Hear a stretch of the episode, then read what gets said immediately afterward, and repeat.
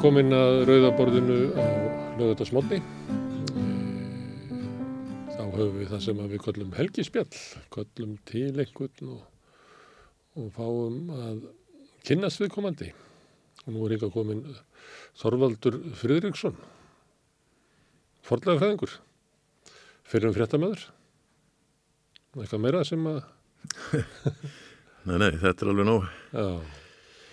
Herðu, þú varst að skrifa, senda frá þau bók um skrýmsli sem að við komum nú verið glað.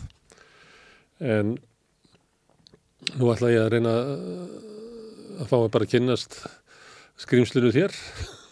að áttaði mig á því hver þú ert. Já. Og að sömuleiti vegna þess að, að þú ert að skrifa bók sem er svona sérstök, sérstök náttúrufræði. Í fyrra komstu með bók um keltana sem að fer svona misvel í, í þá sem að töldu segja þau fræði, norðan fræði. Þannig að að aðtuga okkur út svona óþökkur. Rekst, stíla í í flokkum. Já, þetta er náttúrulega bara áhugamál sem að ég er að fjalla þetta um og Þú velur þau svona eitthvað starf á jæðri. Já, eh, það má kannski segja það. En uh, ég hef allatíð haft sko, mikið áhuga á, á náttúrufræði.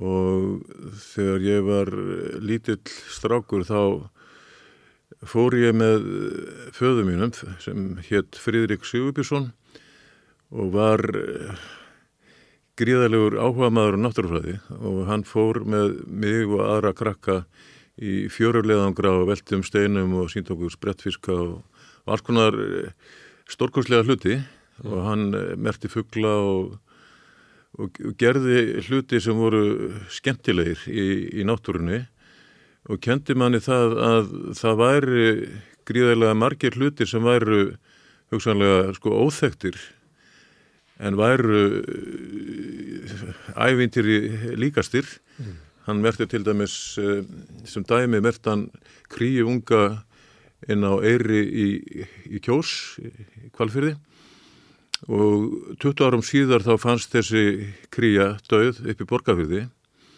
20 árum síðar og það var í fyrsta sem, sem menn vissu að kríjan gatt orðið uh, svona gömul. Mm.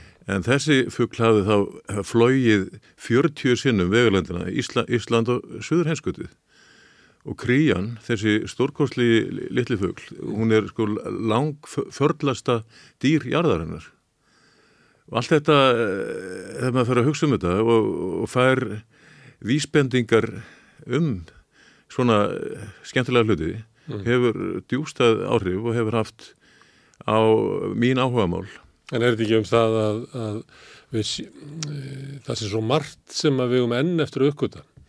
Er það ekki galdurinn? Jú, jú, og margt sem ekki er talað um, sko, margt sem er þakkað eins og til dæmis... Fyrir af þeim sem að vilja halda þið fram að við séum búin að finna allt upp? Já, já, það eru sko lélegustu vístamennir sem þykjast vita alla hluti mm. og þeir því miður hafa verið í miklu meður hluta í í mjög mörgum greinum uh, vísinda, það er bæði hugvísindum, það er í sögu, fordlega fræði, það er í náttúruvísindum. Og, og til dæmis dæmum það að við Íslandingar fáum ekki að vita í raun og veru hvað margt er, sko, hvað margt er ó, óvitað. Eins og til dæmis það að við getum nefnt að það fundist uh, Uh, stengjarvingar æfa fornir stengjarvingar hafa fundist í vopnafyrði af hjartardýrum og ef þú finnur þessa, þessi hjartardýr á Íslandi þá getur líka fundið önnur steppudýr sem voru hérna á sama tíma mm. og það eru mammútar og það eru svertíkrar og, og ef þú segir íslenskum krökkum þetta í skólum að þið getur farið farið og, og bara og fundið mammúta og svertíkra hér og þá, þá gjörbreytir það afstöðu til eh, náttúrfræði mm. og jarfræði. Og sögu í Íslands, það hinga voru engin dýr önnur en, en eh, ja, hvað var það, bara refurinn? Já, engin, engin stærri sem, sem, sem við lærum um en, en, en sko Ísland var í, það var landbrú til Íslands á, á einhverjum Já, miljónum árum. Og, og einnig svo kom aftur að, að sko fjöðum mínum að hann, hann var mikill áhuga maður alveg frá barnasku í, um náttúrufræði og fór í ferðir með náttúrufræði félaginu og meðal annars fór hann í svona stengjöringarleðangur á Brjánslæk og þar fann hann uh, stengjarving, þeir eru náttúrulega þúsundur sama stengjarvingar þar. En það reyndist vera uh, fyrsti stengjarvingurinn sem finnst hér af, af uh, vínviðar, vínvið, vínviði. Mm, og uh, svo þegar að hann var orðin fullurinn og, og var að kenna okkur krökkunum svona uh, margt skemmtilegt í náttúrufræði þá hérna fór hann með mig alltaf á fyrsta föstudag í hverja mánuði. Þá voru fyrirlestrar upp í háskóla í, hjá uh, náttúrufræðifélaginu. Og það voru fyrirlestrar sem sko bestu jarðfræðingar Íslands voru að tala um eldfjöll og, og, og annað slíkt. Sigurður Þóransson og menn af slíku slík, slíku kal- kaliberi og þetta eh, hefur gríðarlega mikil, mikil áhrif að, að verða fyrir verða fyrir svona áreiti, ég getum við sagt að, að, að upplifun í æsku þegar að hugurinn er, er, er hérna opnastur fyrir öllu. hérna ég hef það svona fyrir síði í þessu spjalli að spurja fólk svona hvenar það mann fyrst eftir sér? Það er hvenar þú mannst fyrst eftir því að þú hafir hitt heiminn? Já, ég man, ég mann það nú ekki. En eins, og það er hérna fyrstu tíu ára auðuminnar átti ég heima í Bólungavík já, Ég flutti þangað bara mm, nokkra, nokkra mánada með fóröldrum mínum. Og það var stórkostlegt að vera st- strákur í Bólangavík og, og veiða á brjótnum þar marknút og, og, og, og, og þorska og, og, og kóla já, en, eh, og leika sér með krökkum þar í skö- sköflunum. Og uh, frábær staður til þess að vera barn. Stórkostlegu staður sko og það var mikið uppgangstími eh, þar sko, þetta var einn mesta verstöð Íslands já, ör, örstöð frá hala, halamiðum og var alveg frá öru af alda einn aðal verstöð Íslands þar til að því miður uh, veiðileifið var tekið af, af þorpuna já. en þarna hér, var eh, einn maður sem að drotnaði yfir öllu, eða ekki?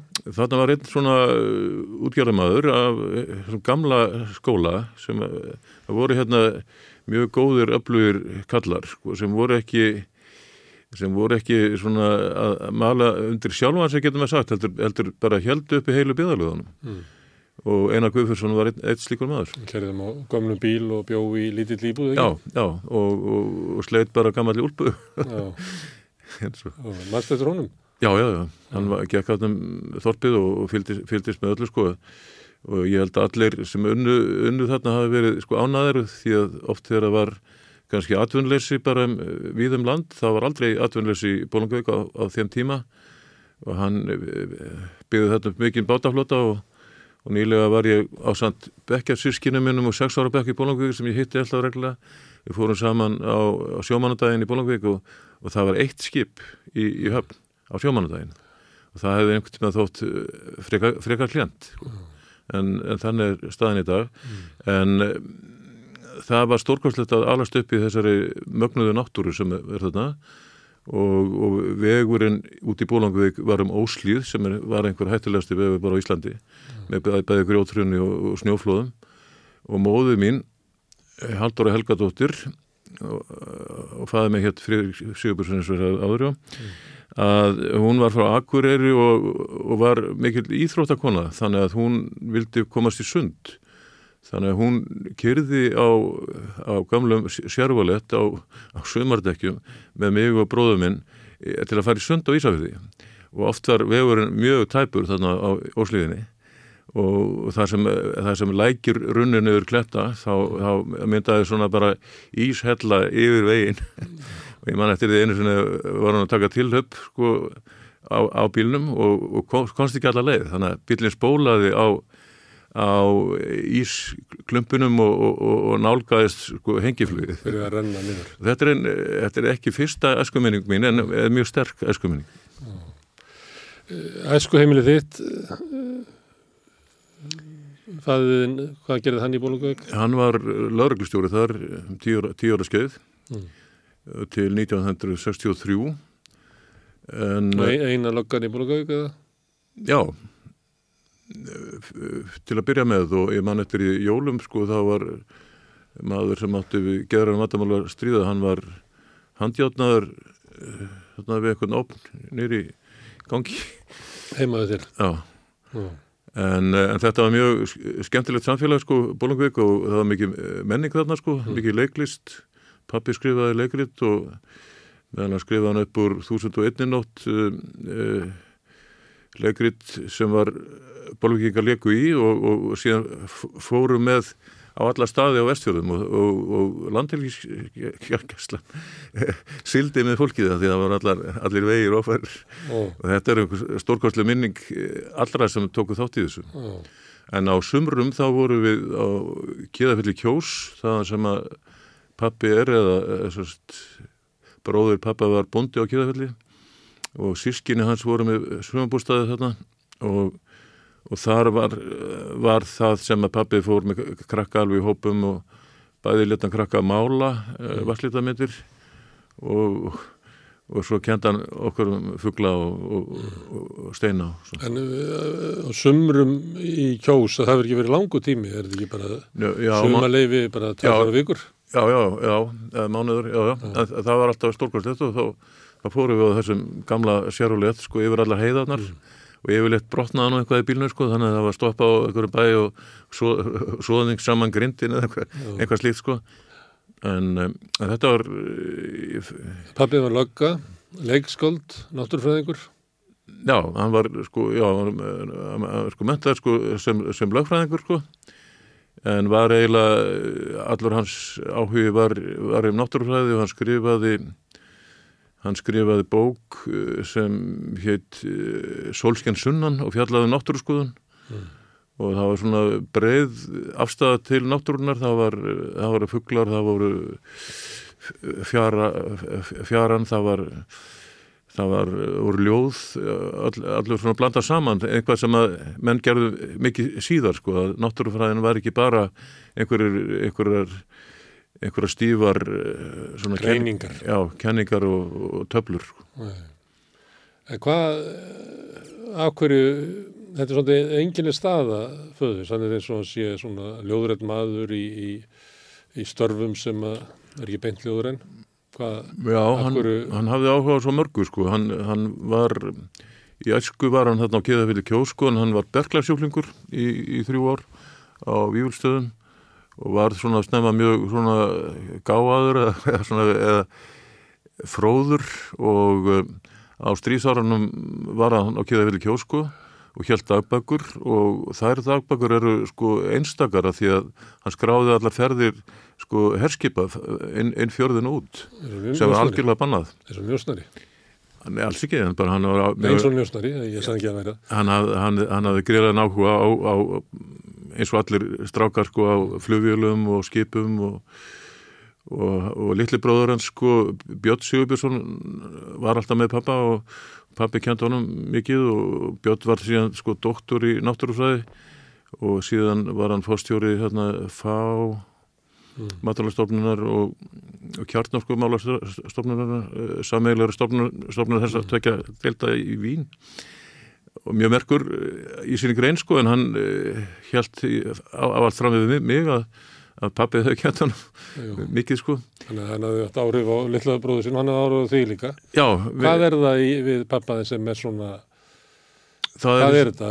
Er hann bara, hann er al, almennur humanisti sko já, hann hefði áhuga á hann átti gríðald bókasafn sko, var bókasafnari og svo mm, var það mikill bókasafnari sko að, að þannig Bólungavík það var það var byggt alveg heilt sko bókaherbyggi með Arineld og, og svona og, og svo, svo þegar symfónihljómsveitin kom í heimsókn út, á- út á land og kom til Bólungavíkur þá, þá eh, komum þarna til Veslu halda heima og menn sögðu þar þeir hefðu aldrei komið á skemmtileg stað heldur, heldur þangað sko. Og síðan náttúrulega gerist það eins og að pappi dó sko 86 sko 60 en en síðan og gerist að, að húsið hjá mömmu sko brann á, á hérna á jólum eitt sinn. Og það brann allt sem brunni gatt hérna inn í húsinu og meðal hans bókasafniði mm og menn sá hann eftir því og, og en þá kom í ljós að, að hérna að pappi var sko al, alæta á, á prentað mál. Þannig að hann sapnaði öllu prentiðu máli. Þannig að hann sapnaði svona vísitkortum og, og bóðskortum og, og átti það alveg sko aftur af aldamótum að menn voru að stofna félög og annað En þetta þótti það ómerkilegt brent sko að þetta fekk ekki að vera inn í húsinu, þetta var úti í útíhúsi sem brann ekki. Mm. Og, og þá kom ég ljósa að þetta var það merkilegast í safninu, að þetta var hverki til annar staðar. Mm.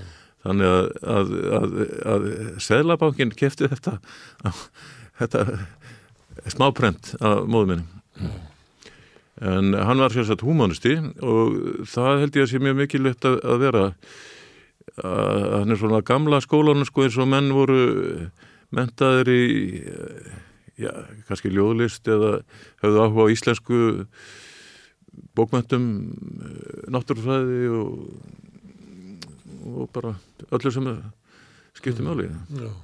Og menn voru töldu sig geta byggt upp með sér mikla þekkingu sem er kannski, ég veit ekki hvort að menn hafa þetta þetta er svona oft tengt við kannski svona kynnslóðina 1874 eða eitthvað slíkt, þá verður svona mikil vakning, þá komur náttúrulega lestrafélögin og kemur svona hugmyndum það að, að við getum byggt okkur upp sem sko eh, personur og styrt okkur með ymsum hætti og það var til ymsir fjölfræðingar til, Já. en þetta er svolítið eh, að fjara út, eða ekki? Þetta er þeim, þeim anda og eitt dæmi um þetta var að hann stofnaði sko músikfélag í, í Bólungavík mm og þar var bóðin fólki sko heim til mín og, og það var á hverju 15. kvöldi var, var músikkvöld og þá var valin einn úr hopnu til þess að flytja erindum einhvert tónskáld og svo var það spilað af gramafón og, og slagt ljósin og hlustað og, og þannig að þetta var stórkvæmslegt og menningarlegt og síðan gerðan annað þegar hann var að reyna að koma einhverju svona almennri þekkingu í mig og bróðum minn þegar vorum pínulitlir sko, og aðra fórum skólan og þá spilaði hann hérna klassiska músik og sagði okkur sko þetta er nú smetana mm. þetta er nú hérna nýju heimurinn eitthvað, eitthvað slíkt sko mm. og þetta sittur í menni og maður á þetta sko ja. Mm. en þá þegar maður heyrir þessi og þetta er hérna að hann er ennþá svona þú ert ennþá undir hans leiðsögn Já, ég get sagt það sko, hann var uh, stórkostlegt að eiga hann sko uh, að vini og, og síðan náttúrulega þegar hann fjett frá þá fattaði maður, fattaði maður það að það var enginn sko sem var, sem var svipaður þessu. Þannig að það er oft þannig sko að menn, menn hérna eins og það má segja til og með sem Björn Þorstinsson, profesor í sakfræði sem kendi mér mm í Háskóla Íslands. Uh, hann var stórkorslegu maður vegna þess að allir sem voru hjá hann, allir nefnendur uh, fengu verkefni sem voru svo merkileg og, og, og góð. Og hann var svo skemmtilegur kennari og að, að þú férst gríðarlegan áhuga á, á sakfræði hafður ekki það, þann áhuga fyrir og svo kom maður, held maður áfram sko, ég kom í aðra, aðra skóla og held, maður held að maður myndi finna slíkan mann mm. aftur en það var, var aldrei, það var enginn sem líktist þessu mm. og það má segja með sko pappa í náttúrufræðinu og allt þetta að hann var einstakur hann var einstakur humanisti mm. og, og góðu vinnur og, og margir hafa átt erfið að esku en ég Þú nöstast ekki. Ég átti, átti mjög uh, mikið ríka æsku, getur maður sagt sko. Og þetta er ekki svona þetta er ekki ríkfallið menningarheimili með hérna uh, það sem er verið að, að, að tróða upp á því miða-eurúskri tónlistarmenning og öðru slíku, hann er líka niður í fjöru að velta steinum og, Já, já, og skoða. Þetta er, uh, þetta er, heimurinn er ævintýri. Já, og skoða stendir sko hann hafði áhuga á Sannleikurinn er uppgötun Já. og fegurinn er Já, uppgötun. eins og, eins og í rauðalæginu sem er á milli hrönnlagana hérna í kvalfyrir sko, Mm. það eru svona rauðlög og þau eru uppfull af sko málmi og málmi sem hægt er að vinna og þetta var hann að að skoða og síðan hérna í Bólangvík þá, voru náttúrulega fleiri menn, það var Ingemyndur Stefánsson sem var svona bara skáld og ættaður úr miðalandi, svona náfrændi Kjarvals og þeirra þeirra langfeðka sko svona há, mjög háaðsinn maður eins og maður, margir meðal, meðalendingar eru. Og svo var Steinn Emilsson hann var, hann var svona kristallafræðingur og hafði einhvað sko sinnast við yfirvöld að því hann sótt um að, að fá, fá helgustaða námuna þegar, þegar áttu að vinna þar, þar bergkristall sko til að vinna í, í, í, í smásjór og kí- kíkjura á sínu tíma sko en það, það var bara valin einhver sko vegavestjóri sem var í réttum flokki og sá vegavestjóri sett í dýnamitt í, í námuna og eðilaði alla kristall en Steinn var þarna skólastjóri í Bólungveik og, og sparisjóstjóri hann var skáld og hann var bara mjög vel mentaður sko jarfræðingur Mm.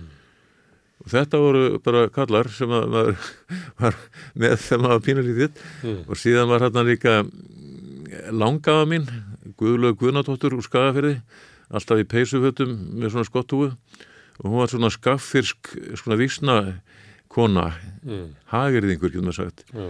og var frá Villinganesi í, í, í Skagafyrði og Villinganes er þarna það, það sem að e, gljúrin, gljúrin eru það sem að e, vondir menn vilja virkja og sýstir hennar var, var móður Hjörleifs Gamla á Gilsbakka sem var, er gott skáld.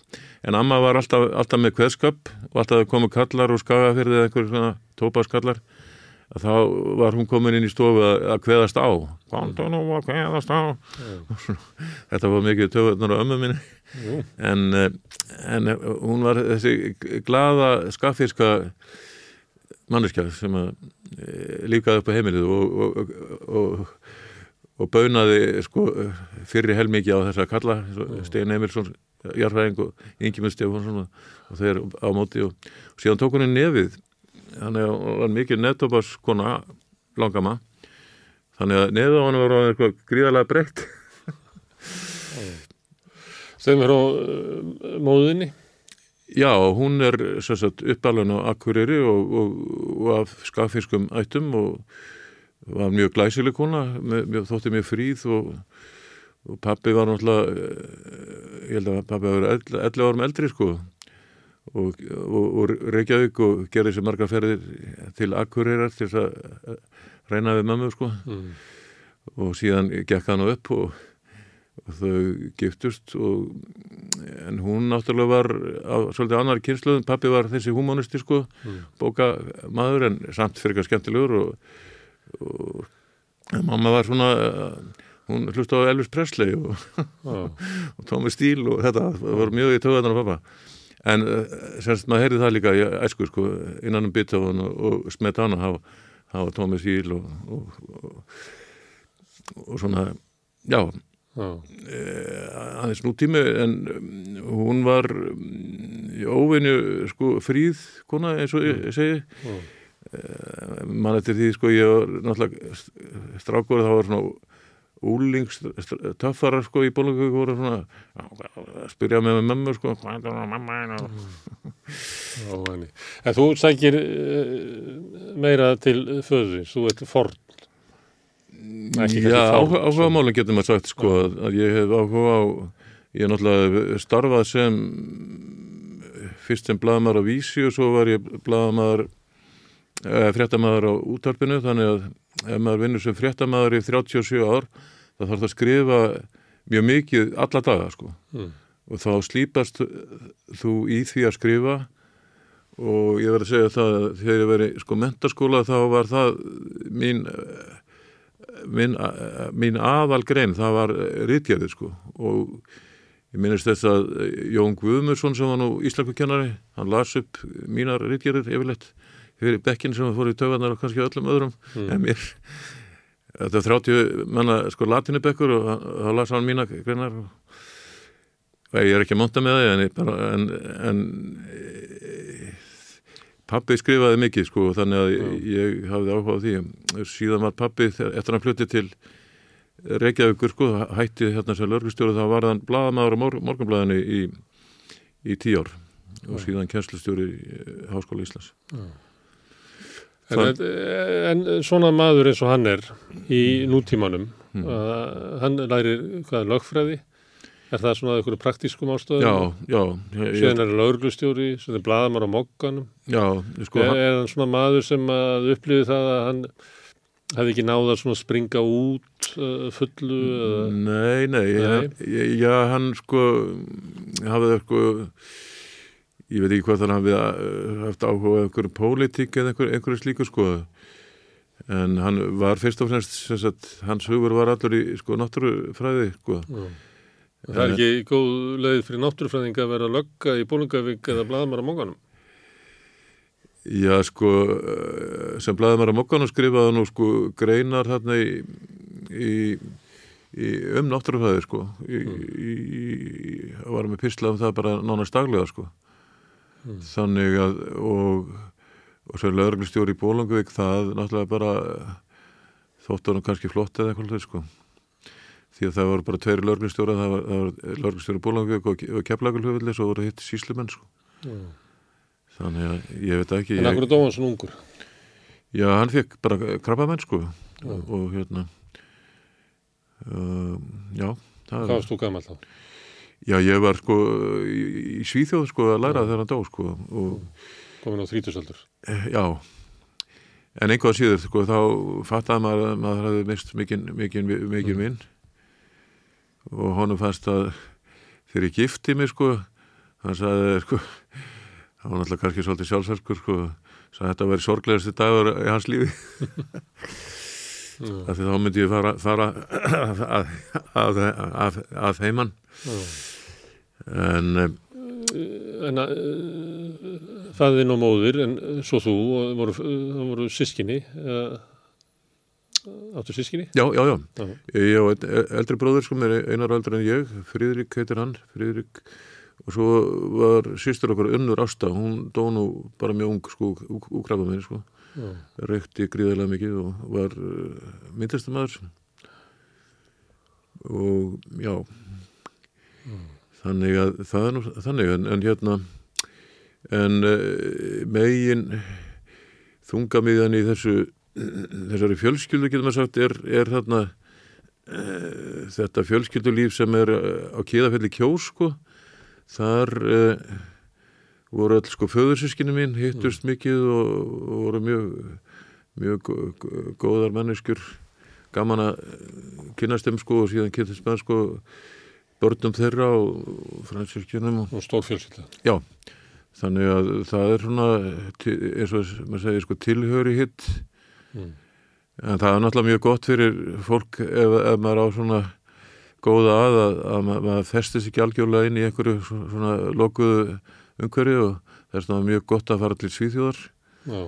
til náms og maður, maður, þegar maður kom þangað var maður náttúrulega með fordóma gafkvæmt Svíþjóð því að þe- þeir voru alveg grassirandi hér á Íslandi það voru fordómar á öllum sviðum sko Sænska mafían var uh, hugtak sem var til hérna á Já, já. 8. áratugum. já, menningar, mafía Já. og svo klámbilgjan, hún var að hluta til sænsk sko og svíjar varu leiðilegir og húmóslausir og alls konar svona og svo þegar maður kom til Svíþjóðar þá uppgötaði maður að þetta væri nú ekki allt satt og rétt og, Herðu, en hérna, uh, þú varst til 10 ára í Bólungavík og þá flyttið í bæinn. Já. Og hver, hver býrði í bænum? Við byggum á uh, hóttunum Njarðagötu og Fjólausvegi í, í, í svona fjölskyldu húsi þar. Já. Með fleirum? Já, afi og amma byggu á loftinu sko. Já. já. og svo þegar... Þegar að þú ert alveg um uh, leikin í æsku sko, stórfjölskyldunni já, og, já, og já, langömmu mér sér. já, já, langar maður var stórkostleg sko. En uh, þegar þú kemur í bæinn frá Bólungavík, Já. er það, uh, Það er bara, Reykjavík er ekki það stór bær að það er ekkert sjokk að koma í bæinn. Já, já, nei, það var allt í lagi sko. Já. Þá, þá var maður sko í miðbæðaskólanum og fór síðan í Hagaskóla og Hagaskóla í MR Hvaða eh, ár er það, svona, segjum að þú, þegar þú er 12 ára, hvaða ár er það? Þetta er, þetta er ég gefið bæinn 63 sko Já, og þannig að svona 65, það er svona uh, bíla árin að það byrja. já e, e, Þú og ert að þeirri kynslu, svona, Já, þú ert já. eða 68 kynslu. fórum í Östubæðabí að sjá Kings Já, og Kings og Rolling Stones og, og Bílarni voru þrjár bestu hljómsveitir sko já, þess vegna var það stórkostlegt að fá sko þriðju bestu bílarhljómsveitina Kings til Íslands sko og það er það flottasta í, í öllu þessu tónleikahaldi já. Hvaða gildi, það var margir úr þinni kynslu verið að tala um hérna hvaða eh, hversu mikil áhrif þetta hafði að það kæmi svona eh, æsku menning koldist yfir, að það væri mikið frels í því. Ég menna hérna, já með Gísla Pálsson mannfræðing hérna, hann var á, á, á laugavatni. Já, og það hérna bílarnir og, og Bob Dylan voru bara stór hluti af hans þróskasögu já Jú, þetta er, þetta er alveg rétt sko að þú lifðir af hluta inn í þessum lögum nánast sko. Já, inn í nýju Rólandsdórsplötunni, þú bara lifðir e, og þetta var stórkostlegt sko vegna þess að þetta var einhvern veginn, eh, já þetta var algjörlega hluti af menningu ef, ef maður getur sagt svo, úlingamenningunni sem að var ekki fullandi fólki skildi þetta ekki sko og vildi ekki heyra þetta en þetta var stórkostlegt og þetta var flott músík, falleg músík já.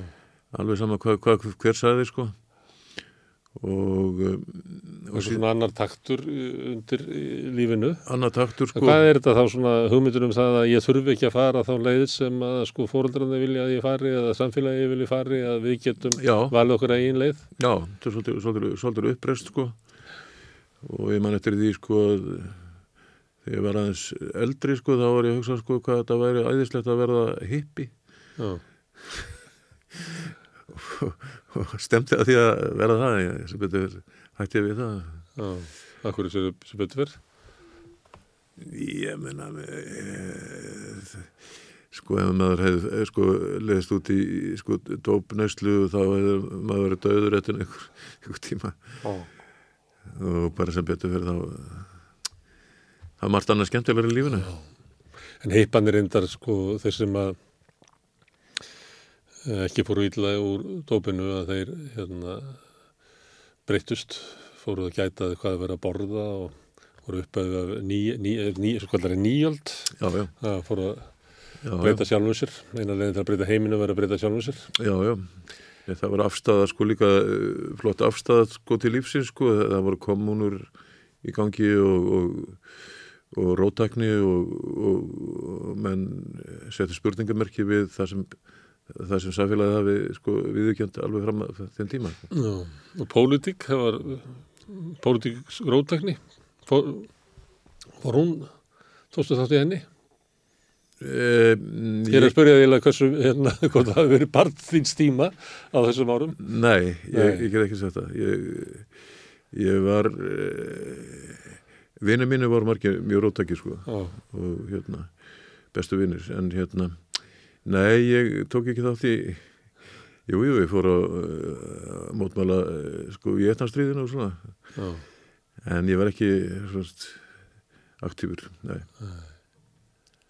Þannig að þú uh, heldur að það sé, varst þú svona annar tegundar eitthvað?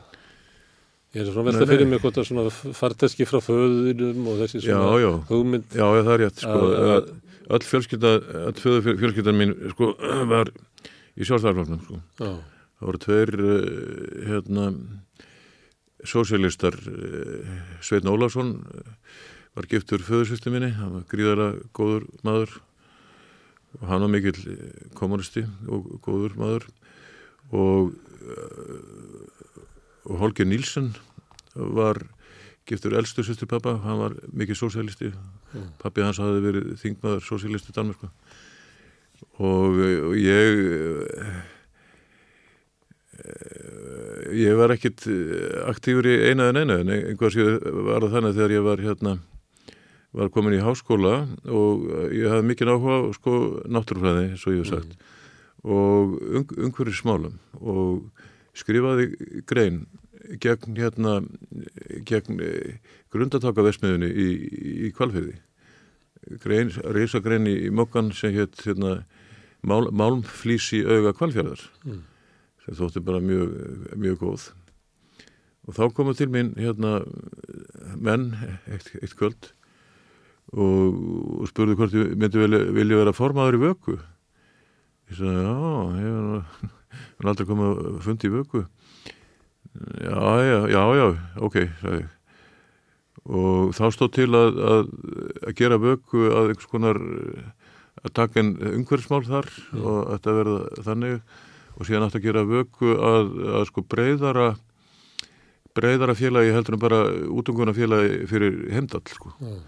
þannig að eh, stendur í, í, í nafninu eh, félag líðræði sinnar stúdenda Já. þannig að allir sko líðræði sinnar ætti að geta verið í félaginu, framsóknarmenn og, og, og hérna Allir er með byltinga sinna þeir kommunistar. Já, og, og hinum megin, hinum megin var sko, sko hinn rótæku massista sko, Mm. sem vildu, vildu byltingu. sem voru engar ótækir á þessu varum. Já, já, og unnu, unnu allar kostningar í háskólanum. Mm. Og jú, jú, sagði ég, jú, jú, ok, og svo mætti ég þarna fund og, og svo er ég bo- borin upp af fráhærandi stjórn sem, sem, sem formaðsefni. Og þá kemur mót frambjóða minn og spyr, hefur þessi maður nokkuð tíma komið á fund í vöku? Og svaraði var nei, ég hef aldrei komið að hana. En einhvað síður var ég kjör. Og Sigmundur Davíð, hann hefði aldrei komið að fundi í, í framsóks þegar hann var ko- kosinn formaður. Nei, en, en, einhvað sér var fengið þetta fólk eins og, eins og hérna Tryggvi eh, nokkur sem var framstæðamaður og, og, Berglind sem var allþjóðslags konaða það átti að reyna að breyka þetta félag sko. Mm. og, og ég náttúrulega þekkt ekki eh, fólkið þarna sko og það fyrsta sem ég gerði var að fengur lánaði eigi í breðafyrði og ég fór í svona ferðalag með þetta fólk uh, út í eigi í breðafyrði tjald, tjaldferð til að reyna að hrista þetta fólk saman og það bauði ég sko Arþóri Helgarsinni vinnu mínum, Mm. miklum vinnu mínum sem er, var eh, sko Kína komi Mm. og, og kom með. Já, já, hann kom með. Og, og svo voru við og svo voru við hann í, í rútunni. Og þetta fór óalega taugarnar og Hannes Holston Gísararsinni sem var hann aftast, aftast í þessari rútu. Og að, að skilur vera Kína kommunisti hérna í þessari ferð.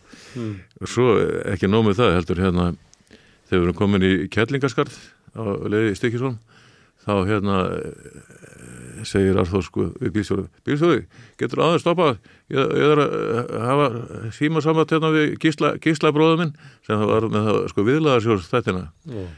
og þá náði Arþór sambandi við gísla bróður sinn Mm. í, í útvarpinu í betni útsendingu og sendi kveðju úr vökuferð og þetta var þetta gríðarlega aðtegli að, að Kína kommunistan væri þannig að þetta var nú svona frekar skemmtilegt bara og, en ég man eftir því komst ekki stundum í partí í, hjá vöku að því að ekki held að ég að vera kommunisti og, og mér var alveg saman En það þú varst formaðurinn? Ég var formaður og ekki búið í partíð. ég man ég komst ekki að því að vera líka í vaðstífulum þegar fannst það ekki nú. En sagt þetta er einu, einu, einu stjórnmála afskipti Þetta er þinn pólitíski ferill. Hvað fórst að læra í háskólanum? ég lærði sakfræði og, og, og bókmyndir Mm. Síðan ferðu út til Svíþjóður og og lærir...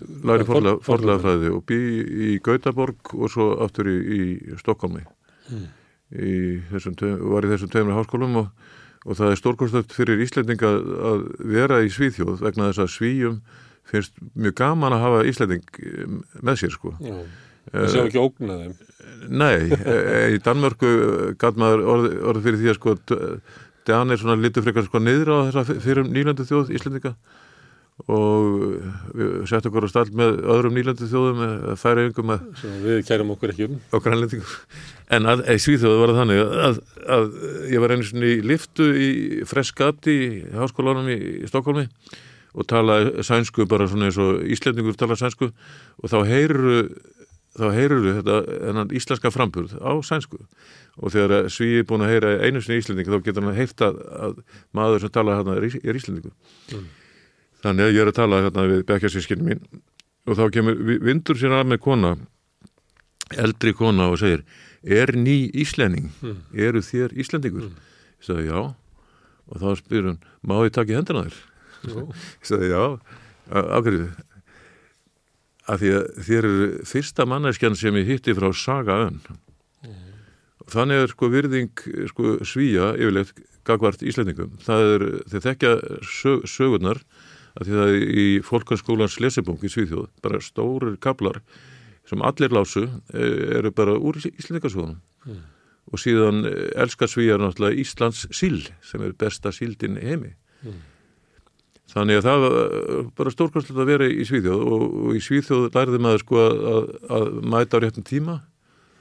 Mæta erum mjög ná, nákvæmum með svona tímasetningar. Og svona er nú flestar þjóðir að, að, aðrar en Íslendingar. já, og svo átti ég mína bestu vini sko í Kaupmannahöfn sko og hefði ég verið þar þá hefði maður bara verið alltaf í partíum sko. Mm. þannig ég bara þakkaði fyrir að vera, vera, vera í Svíþjóð. Og ég fórum sko oft sko átta tíma í, í lest sko frá Stokkólmi til Kaupmannahöfn til að eh, mæti í partí hjá vinum okkar. Ég og Elisabeth Brekkan kona mín. En tilgjömsræst að læra sakfræði. uh, vegna þess að uh, ég hafði mikið áhuga á, á á sögu og og til dæmis á uppruna Íslendinga. Mm. og þess, því en stóra gáta. já, og skrifaði grein, grein í gerði mjög merkilega sko rannsókn, ég fekk hjá þjóðháttadeild þjóðmennarsafsins fekk ég sko nafnalista yfir sko fróðustu menn í hverju sveit. Og, og sendi fyrirspurnarlista um, um borglaðin hús eh, sem sagt þessi kjæltnesku hús sem eru til hér borglaðin eru svona eins og ígló byggð upp í topp Mm. og eru eh, nánast ekki til í Skandinavíu en eru algeng í, á Írlandi og Skollandi Mm. og, og gerði bara gríðarlega merkilega frumrannsókn á þessum húsum á Íslandi þannig að sko, Hörður Ágússon í byggingarsögu Íslands hann bara nefnir þetta verk Mm. og þetta var svona þýstastiks verkefni í sögu Mm. Og síðan var ég hjá Byrni Þóstinsinni þessum stórkostlega kennara. Og hann var þannig sko að segja æ, krakka mín, æ, æ, æ þegar hann talaði svona, æ, æ, hyrðu þeir eru, æ, það er 200 ár síðan, síðan móðuherrandi voru, æ er ekki einhver sem hefur áhugað þeim? Og svo einhver stelpar sem rétt um hund og þá leta hann að hafa sko alls konar skjöl sem hann hafi fundið áður óbyrt um móðuharðindin þannig að hennar fyrstasti skilgjör var, var bara mjög merkileg. Mm. Svo kom ég einu sinni í skólan og þá sagði hann, æ, æ, krakka minn, æ þeir hérna Björgunhaf þeir eru að leita guldskipinu æ, er ekki einhver sem hefur áhugað því? Og ég rétt hönda því ég hefði safnað öllum úrklippum um guldskipið og, og þá leta mig hafa sem sagt e, bref sem hann hafi fundið um barnsfæðirnis mál sem kjent var mönnum, mönnum á guldskipinu Mm. og, og síndi hver þær hefðu komið upp af skeðarasandi sko við hefðu komið upp í öst, austur skaftafisíll, ekki vestur og alls konar svona. Og svo svo einu sinni kom ég í stúla og það er, æ, Þorvaldur minn, kontu, kontu, kontu minnur, kontu við skulum að fara hérna að heimsækja vinn minn. Og það voru upp í Moskovítsinas og keriðum upp á, upp á mela, me, melum, mela. Fórum þar upp á þriðju hæði blokk og þar ringd hann að bjöllunni og þá kom út þar Þorbergur Þor, Þorðarsson Mm. Þorbergur minn gefðu okkur kaffi. Já, og búið inn og var með kaffi og, og, og þá sagði hann sko, já, hann er, nefnandi minn. Já, hann er að skrifa um guldskipi, segð hann um eitthvað um guldskipi Þorbergur Mm. og þá var Þorbergur að ganga svona um gól sko, og, og þuldi svona sko. og út er komið um allan skó indianski þefurinn. Já fælist rafn og refurinn. Já, það sagði það flestir af því fengu nóg flestir af því fengu nóg fælist rafn og refurinn. Út er komið um allan skó indianski þefurinn.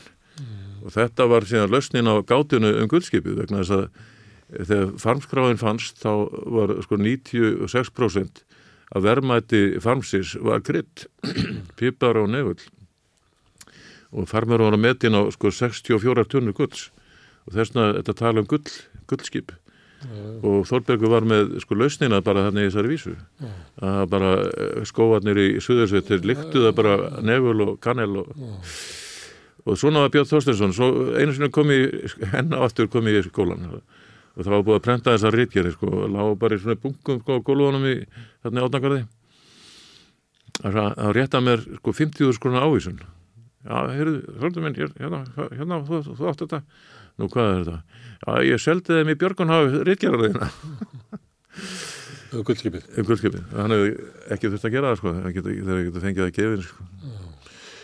en eh, já Ég spyrði ákveðið að fara í sagfræði og þú ætlar nefnilega svona ráðgátur til dæmis uh, uppbruna Íslendinga að það er alls konar menn sem að velti fyrir sér að það kannski að því að við erum fá og lítil að okkur langa til þess að, að eiga eitthvað stórkoslet uppaf menn hafa jáfnvel tekt sér ansi langt í því að við séum algjörlega einstök þjóð með einhverjum hætti. Þetta er svona ráðgóta. Guldskipið er önnur ráðgóta. Er þetta svona er það sem er heillandi Mm, það, það er, það raun og veru sko æ, finn, eitthvað stórkoslegt því að stundum þegar maður sér svona björritgerður og MR-ritgerður þá er fólk að skrifa um postsamgöngur í norðum Múlasíslu millir 1789 og, og, og 1795 og þetta hljómar ekki sem eitthvað svona að þar finnast eitthvað sko stórkoslegt sem munur breyta hinsmynd okkar já sko það er náttúrulega að þú er að gleðjast sjálfur og hafa gaman að þessu sjálfur og, og, og, og lifað inn í ævintýrið Já. og, það er alveg hægt í, í sakfræði og bara öllum sviðum í raun og veru, það er svo margt sem er órannsaka þar En hvað með, með upprunn Íslendinga, þessar löngun, þessar litlu þjóðar um að vera sérstök í heiminum? Sko e, Er það vegna þess að, að sem bara er eðlilegt að allir eru sérstakir náttúrulega? já, Það er já, eins og þú lístir á það með, með föðuðin að þeirra bara, einn einstaklingu deyra þá náttúrulega er heimsendir, það hverfur heill heimur, já, já. þannig það er allir sérstakir að, að, að þýliti, en þessi svona hugmynd Íslendingum að vera eiginlega einstakir og sérstakir. Já, það er náttúrulega kannski byggt á, svolítið á minnumáttakend en, en, en hins vegar er, er náttúrulega sumir hlutir sem að þarnast skýringar eins og til dæmis það að þessi dvergþjóð út í Allandshafi er bara risa veldi í bókmöntum á miðaldum. Það þarnast skýringar og hefur aldrei verið fullskýrt nema hugsanlega með þessu, þessum, þessum keltneska þræði, keltnesku tengingu. Og það er ekki það er ekki sko kynþátt að hyggja í því það er rasismi eða neislíkt heldur er það bara sko menn vilja vita já það er bara fróðlegs fyrst. Hvernig stóð á því að, að þessi fátaka þjóð uh, fátaka auðmingja þjóð eða, vesala þjóð skrifaði sögu grænlendinga Nóregs konunga, Danakonunga, Svíakonunga jafnvel Póllands Einn ástæðinu, hún var ekki vesul, það var einhverjir efnaðsleg styrkur til þess að geta staði í. Já, já, það, Það er, er það er kenning sko já, já. Önnur væri svo að, að, að þarna blandast saman tvær þjóðir og sagnarfurinn gelíski að, að Íslendingar eru umverulega no, eh, skrifa hann fyrstir á norrænu. Séum... Já, já, e, sko gelíski e, sagnaarfurinn er, er, er líkillin að þessu sko Já. Og það sem er sérstætt við Ísland að, að, að hann er síðan skrifar út á norrænu.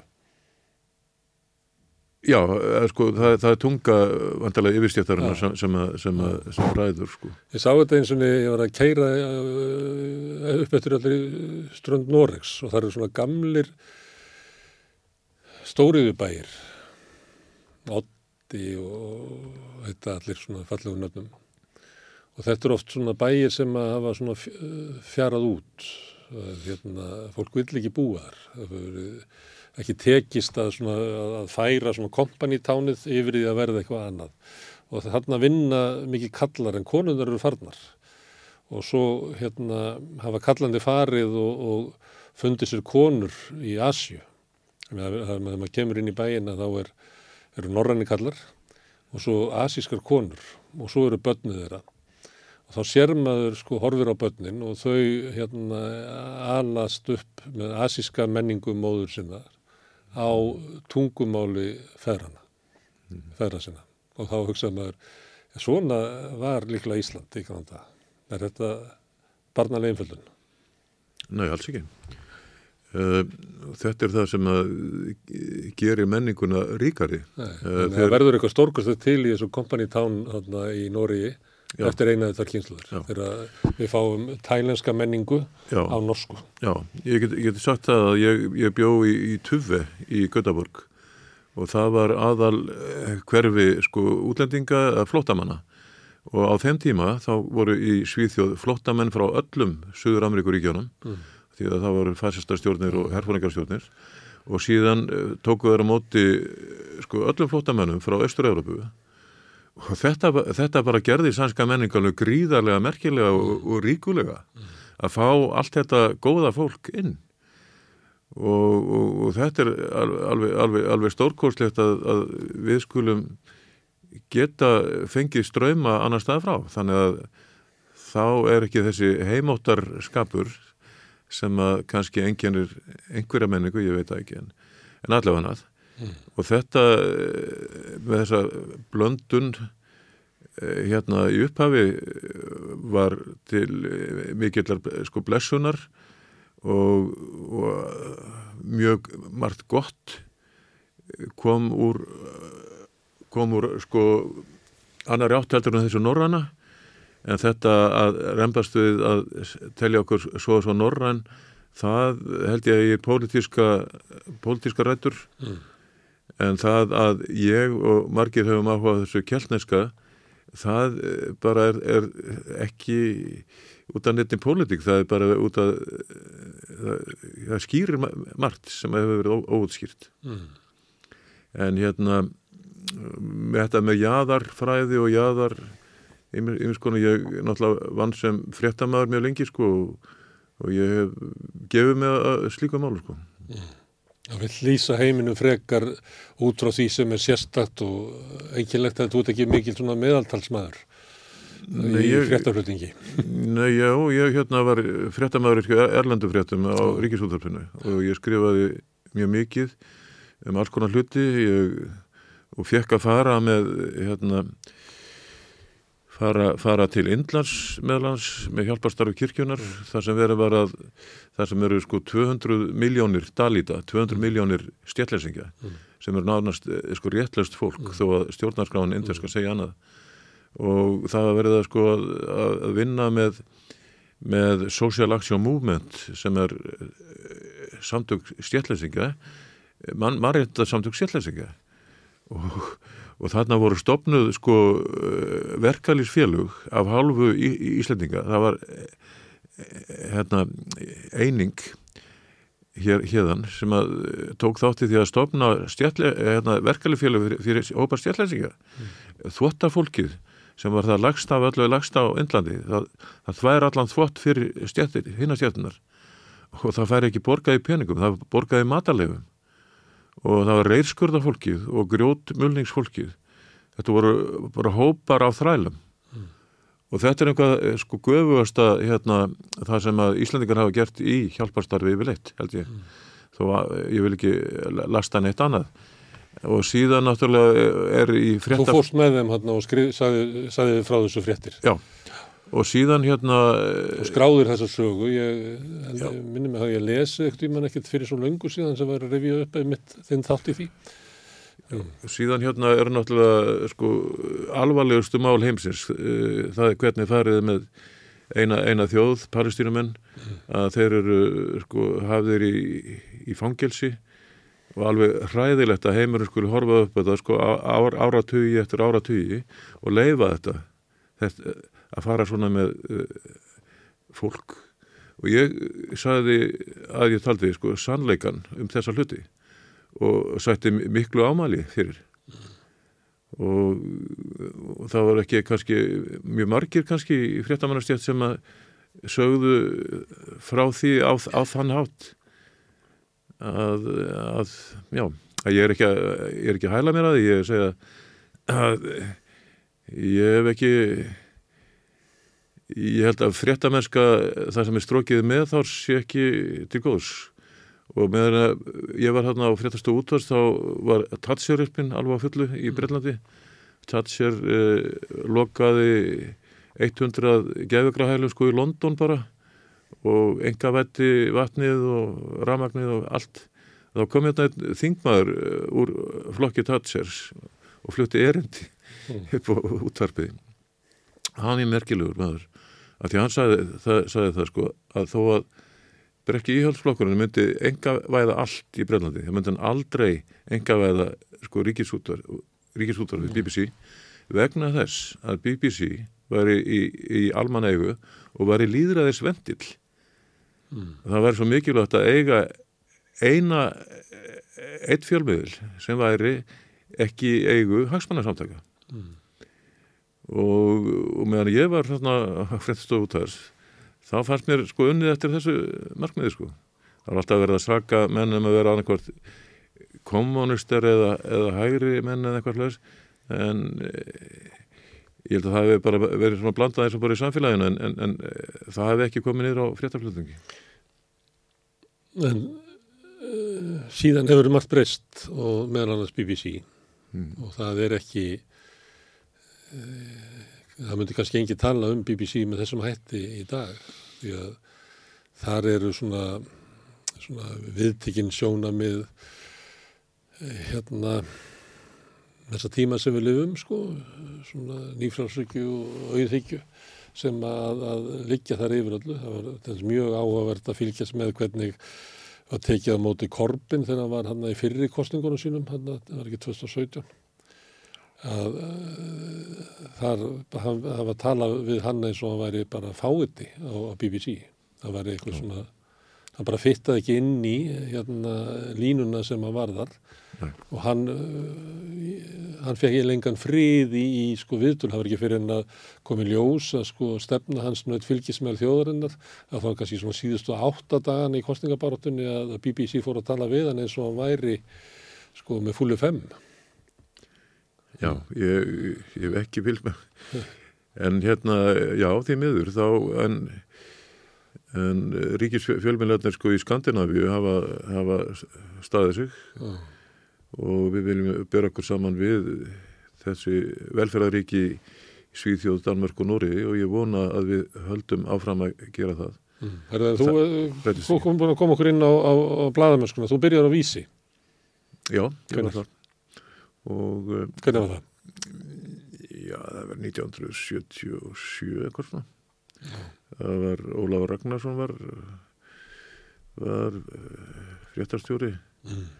rýðstjóri og það var skemmtilegt sko svo fór ég að uh, alltaf vinna mér meira kaup og fór á uh, fór á tóran klakk frá Vestmannum mm. og ég hef aldrei komið á sjó á, uh, aldrei farið á sjó og hérna og hérna voru helstu kappar Vestmanni eitthvað voru þessum tóra Siggi Vító var skipstjóri, frægur maður og svonur hans Eirikur Ross og annar, annar týpur hún úr lofum var hann að kokkur og þetta var æð, æðislegir kappar sko. En svo hérna kom í ljósa að langa öfinn eh, Haraldur á Sandi hann var versmanniðugur pappi Rúriks Haraldssonar. Amma mig hétt Unnur Haraldsdóttir. Mm. og Haraldur á Sandi var, var mest í bruggar í versmanniðugur var haft handtekinn fyrir það mjög merkur maður sko, mm. kunni mörg tungumál.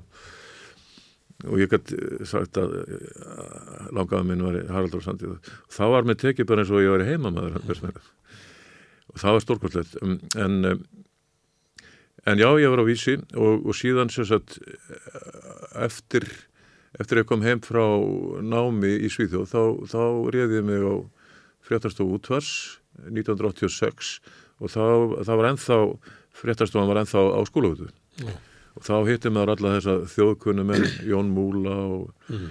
og Pétur Pétursson og mm. Ragnar Ástu og kynntist þessu indíslega fólki og Sigurður Íþróttafréttamaður og svona. Mm. og Þá var fréttastofa hljóðvarps útastins já, já, já, það var bara hljóðvarp. Já, já, og síðan og ég held að það er mikil mistök sko að sameina sko útvarp og sjónvarp vegna þess að þá er og verið fækkaður um eina fréttar, fréttarstofu sko.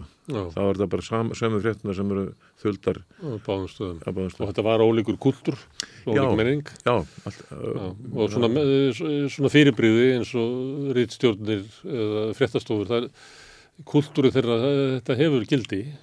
Það er ekki sniðut Já. að skemma þetta bara Mjög. í daginn. það, er- það, það er, það er engin vand að skemma þetta sko, en Kári Jónasson var fréttarstjóri lengst af þegar, þegar ég var fréttarstjóri útvars stórkostlegur fréttarstjóri og fekk öllum verkefni við hæfi og var með mjög hæfa uh, þingfréttaritara sem spurðu krítiskra spurninga, spurðu erfiðara spurninga, Mm.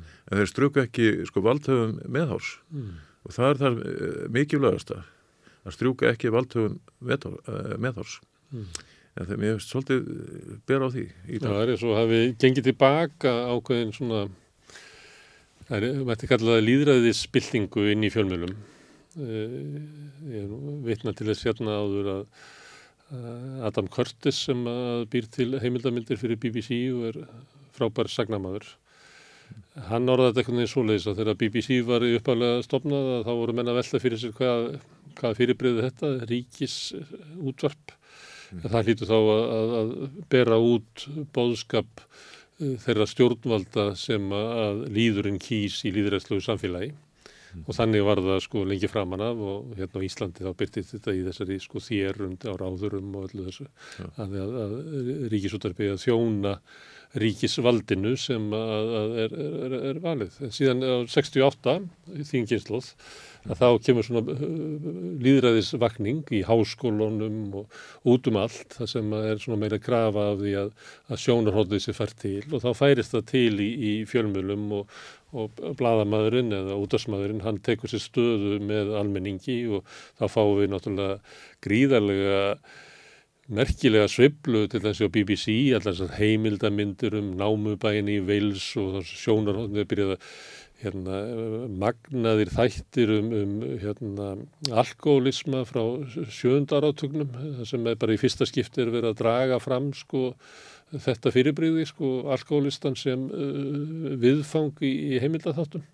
Þannig að sjónarhóðinu bara breytist og það er kannski svona blóma tími svona, allir þetta verði ekki kalla á endanum svona klassísk bladameska sem nær kannski ekki nema frá kannski í Breitlandi frá 60 til 2008 en á Íslandi kannski bara frá 74 til 2000 eitthvað. Og þá byrjar þetta að- falla aftur og að sömuliti finnst manni eins og ég var að vitna með BBC áðan og ríkisúttarpið að staðan er farin eiginlega frá almenningi og venjulegu fólki aftur yfir til valdsins og þú ert alltaf með ráðherran orði í fréttasettinu að segja okkur hvernig heimurinn er og við höfum að hlýða víði og allt í hennu er bara búið að flytja sko sjónarhóttnið. Ég held að það sé stórkostlega mikil sko menningaleg breyting sem við verðum eiginlega að vera vakandi fyrir sko. Þetta er alveg rétt hjá þér og hérna það er mjög sérkynlegt að horfa á, á sjónvarpið uh, viku eftir viku uh, segja frá segja frá segjum, hörmulegu atbyrðum á Gaza Já, og alltaf í upphafi hvers fréttatíma kemur uh, sko maðurinn sem er, er að sprengja allt í tætlur með loftárásum á varnarlösa óbreyta borgara þá er hann með ræðutíma alltaf já, og er að útskýra fyrir Já. okkur eitthvað sem hann er að gera en ég sem sagt er, er náttúrulega hættur í fréttamennsku þannig að ég eh, ætla ekki að vera eh, og er ekki í pólitík þannig að ég ætla ekki að vera að blanda mér í það. En ég er í, getur maður sagt sko, sko menningarlegri pólitík þar að segja með svona jaðarfræði já, sem eru ekki viðukjönd kannski af öllum. Já. og það og það er, það er nú að berja, berjast berjast í þeirri baráttu. Ok, ræðum við það að því að hérna, nú ertu komið þessa bók sem er, er skrýmsli í sjóa vatnum á Íslandi. Já. Uh, hér ertu að uh, skrifa náttúrufræði Já. og þarna eru ekki bara hérna þau kvikindi sem eru í venjulegu náttúrufræðibókum heldur kannski þau sem eru þar alls ekki. Já. Þetta byggir á sko rannsókn, getur maður sagt. Já. Í, með að ég starfaði sem fréttamaður sko þá uh, í frítíma mínu þá ringdi ég uh, mig í gegnum bara elli heimil Íslands og Mm. talaði við fróðustu menni í hverju sveit talaði við alla fyrirvenandi ábúðundur í breðafræðum til dæmis og, uh, og spurði um uh, óþekktar ske- skepnur og, og sjáadýr og, uh, og það var merkilegt en síðan uh, sko, tók ég allar upplýsingar sem voru að finna í, í prentuðu máli og setti það saman í, í svona bara heildar, heildar fæl Mm. og, og síðan kom allar, allar þessar sögur sem ég sapnaði sjálfur og, og svo, svo hljóðbandarsapn uh, árnastofnunar sem er gríðalegt af aukstum sem að um, uh, var sapnaði svona 1960 Hallfriður Örn í Ríksson gríðarlega merkilegt sapn sem að þyrfti að gefa út og það er náttúrulega til á netinu sko, fólk getur skoða og tók allt þetta og, og bjóð til uh, þetta var gríðarlegt upplýsingasapn Mm. og þetta náði frá papi til papiðar og það stóð til að ge- gefa það út einhvern tíman en, en, en nú er það komið í hendur á, á náttúrufræði safninu og þeir eru mjög ánaði með það og, og þá í þessum viðtölum sem ég tók við hérna, sjónavotta að ef að sjónavottalýsingarna voru mjög góðar þá fór ég á staðin til þeirra og teiknaði eftir þeim Mm. þannig að ég var komið með sko útlitt á þessu skepnu sem ekki hefur verið sjónarvotta tekningar eins og eru gert í spæramindunum. Já, Þannig að sjónarvotturinn hann samþykja tekninguna þína. Já, þetta var, svona, svona lörgluteknikar Mm. En þetta var sko nýbreytni því menn hefði ekki gert þetta áður. Ekki eins og með lagalhjóðsólminn menn hefði ekki búið við að tekna eftir sjónavottum Það þið gerðu ráð fyrir að það væri ekki til. Já, og, og, og, og það er nýbreytnin og þarna, þá kom bara ljós tegundir. Mm. og uh, tegundir sem eru merkilegar og, og, og það er ekkert sem bendir til annars en að þetta séu þetta sé hluti af, af nátt, náttúrufræðinni. Þetta eru skepnur sem skilja til sér spór og uh, hár og slímug bæli og skítaklessur En er ekki að taka hárið og byggja kára að gera DNA á því? Jú, jú það, En, en það er ekki gert. nei, það hefur ekki verið gert hingað En hefur þú gert það? Ég bara hef ekki komið það, Áttu hár af skrýmsli? Nei, nei, nei, ég á það ekki. En, en hins vegar hérna sko, dugar að taka sko, sum vötn eru gríðarlega skrýms, skrýmslavötn eins og, eins, og, eins og hestvatn í Grímsnesi Mm. Og náttúrulega lagar hljótt og skóradalsvatn jafnvel og, sko, en kvalvatn til dæmis það, það, og þá getur þau bara tekið sko vasklas og, og dýfti í vatnið og síðan getur þau greint í, í þessu vatni getur, getur greint sko allar fiskitöfundir eins og menn gera bara í, þegar menn er að taka skolpið og komast að því að það sé heldur að aukast kókain notkurinn. Já, eða, sko, þú finnur sko DNA úr öllum, öllum skepnum þarna. og þetta er tildurlega sko auðveld aðferð til að fá staðfestingu. Og það stendur til, það eru kominir sko e, tveir vístamenn sem að ætla að taka þátt í, í, í, því verkefni sko. Þannig að það er bara tímaspörsmál hvenær þú færð sko vístalega sannanir á þessu. Og síðan í Það sambandi er ekki komnar, þannig að þú getur ekki, eh, hvernig getur þú spáð fyrir hver niðurstaðan verður ef það er ekki búið að, ég bara er með ég, þú telur það næsta víst. Það er næsta ég menn þú er komið með sko myndband að laga hljóðsvörminu Já. Þú nefndir Þorberg á það, neitt var sagt um hann að það hefði, hérna, með æfisúna sem hann skrifaði, þar hefði, sko, lí- hérna, líknasti maður Íslands hittað trúgjaldasta. Já, Maðurinn sem að ferð út og talar við vittnin og teiknar myndirnar, þetta er náttúrulega trúgjald maður. nei, alls ekki Nei, ekki trúkjörn, heldur bara eh, þú hefur engar ástæð til að rengja sjónavott hvers, er- vegna ættir að gera það? Vegna þess að skrýmslasögur eru tabúsögur. Já, þú getur sagt draugasögu og öllum finnst það búið að fyndið og skemmtilegt. Mm. getur sagt huldufólksögur þinn eigi fjölskyldu. Ammaðin uh, hjálpaði huldukonu að fæða mm. og það er bara mjög eðlilegt á Íslandi. En ef þú segir skrýmslasögu þá ertu varasamur eitthvað skrítin að því þau eru ekki til og Bendit Gröndal hann skrifaði greinar um það á sínu tíma að þeir sem þættur sjá skrimsli væru annarkvort heimskir eða ómentaðir Mm. en hérna, Það sem merki þess að ef, ef ég sé skrýmsli þá veit ég það að ég er annarkvæmt heimskur eða ómettaður. nei, ég, er ekki Nei, það má er því sem að, að Benedikt Gröndal segir. Að þá fer ég náttúrulega ekki að flagga því líklega ef að það er almennt Nei, trúað. alls, nei, alls ekki, alls ekki. Þá ringi ég ekki í náttúruðstofnun og segi það þessi Nei, skrimsli. og að því að það er ekki til, það, það var afgreitt að það var ekki til, að þá er hleyið af fólki, sko. Ha, ha, ha, ha, hann sá nú bara hest, þarna, ha, ha. Og ein, ein mjög góð saga, það, það er maður sem að eh, bjargaði sér með því að ríða undan skrýmsli í, í, í Sörbæ, í Dölum.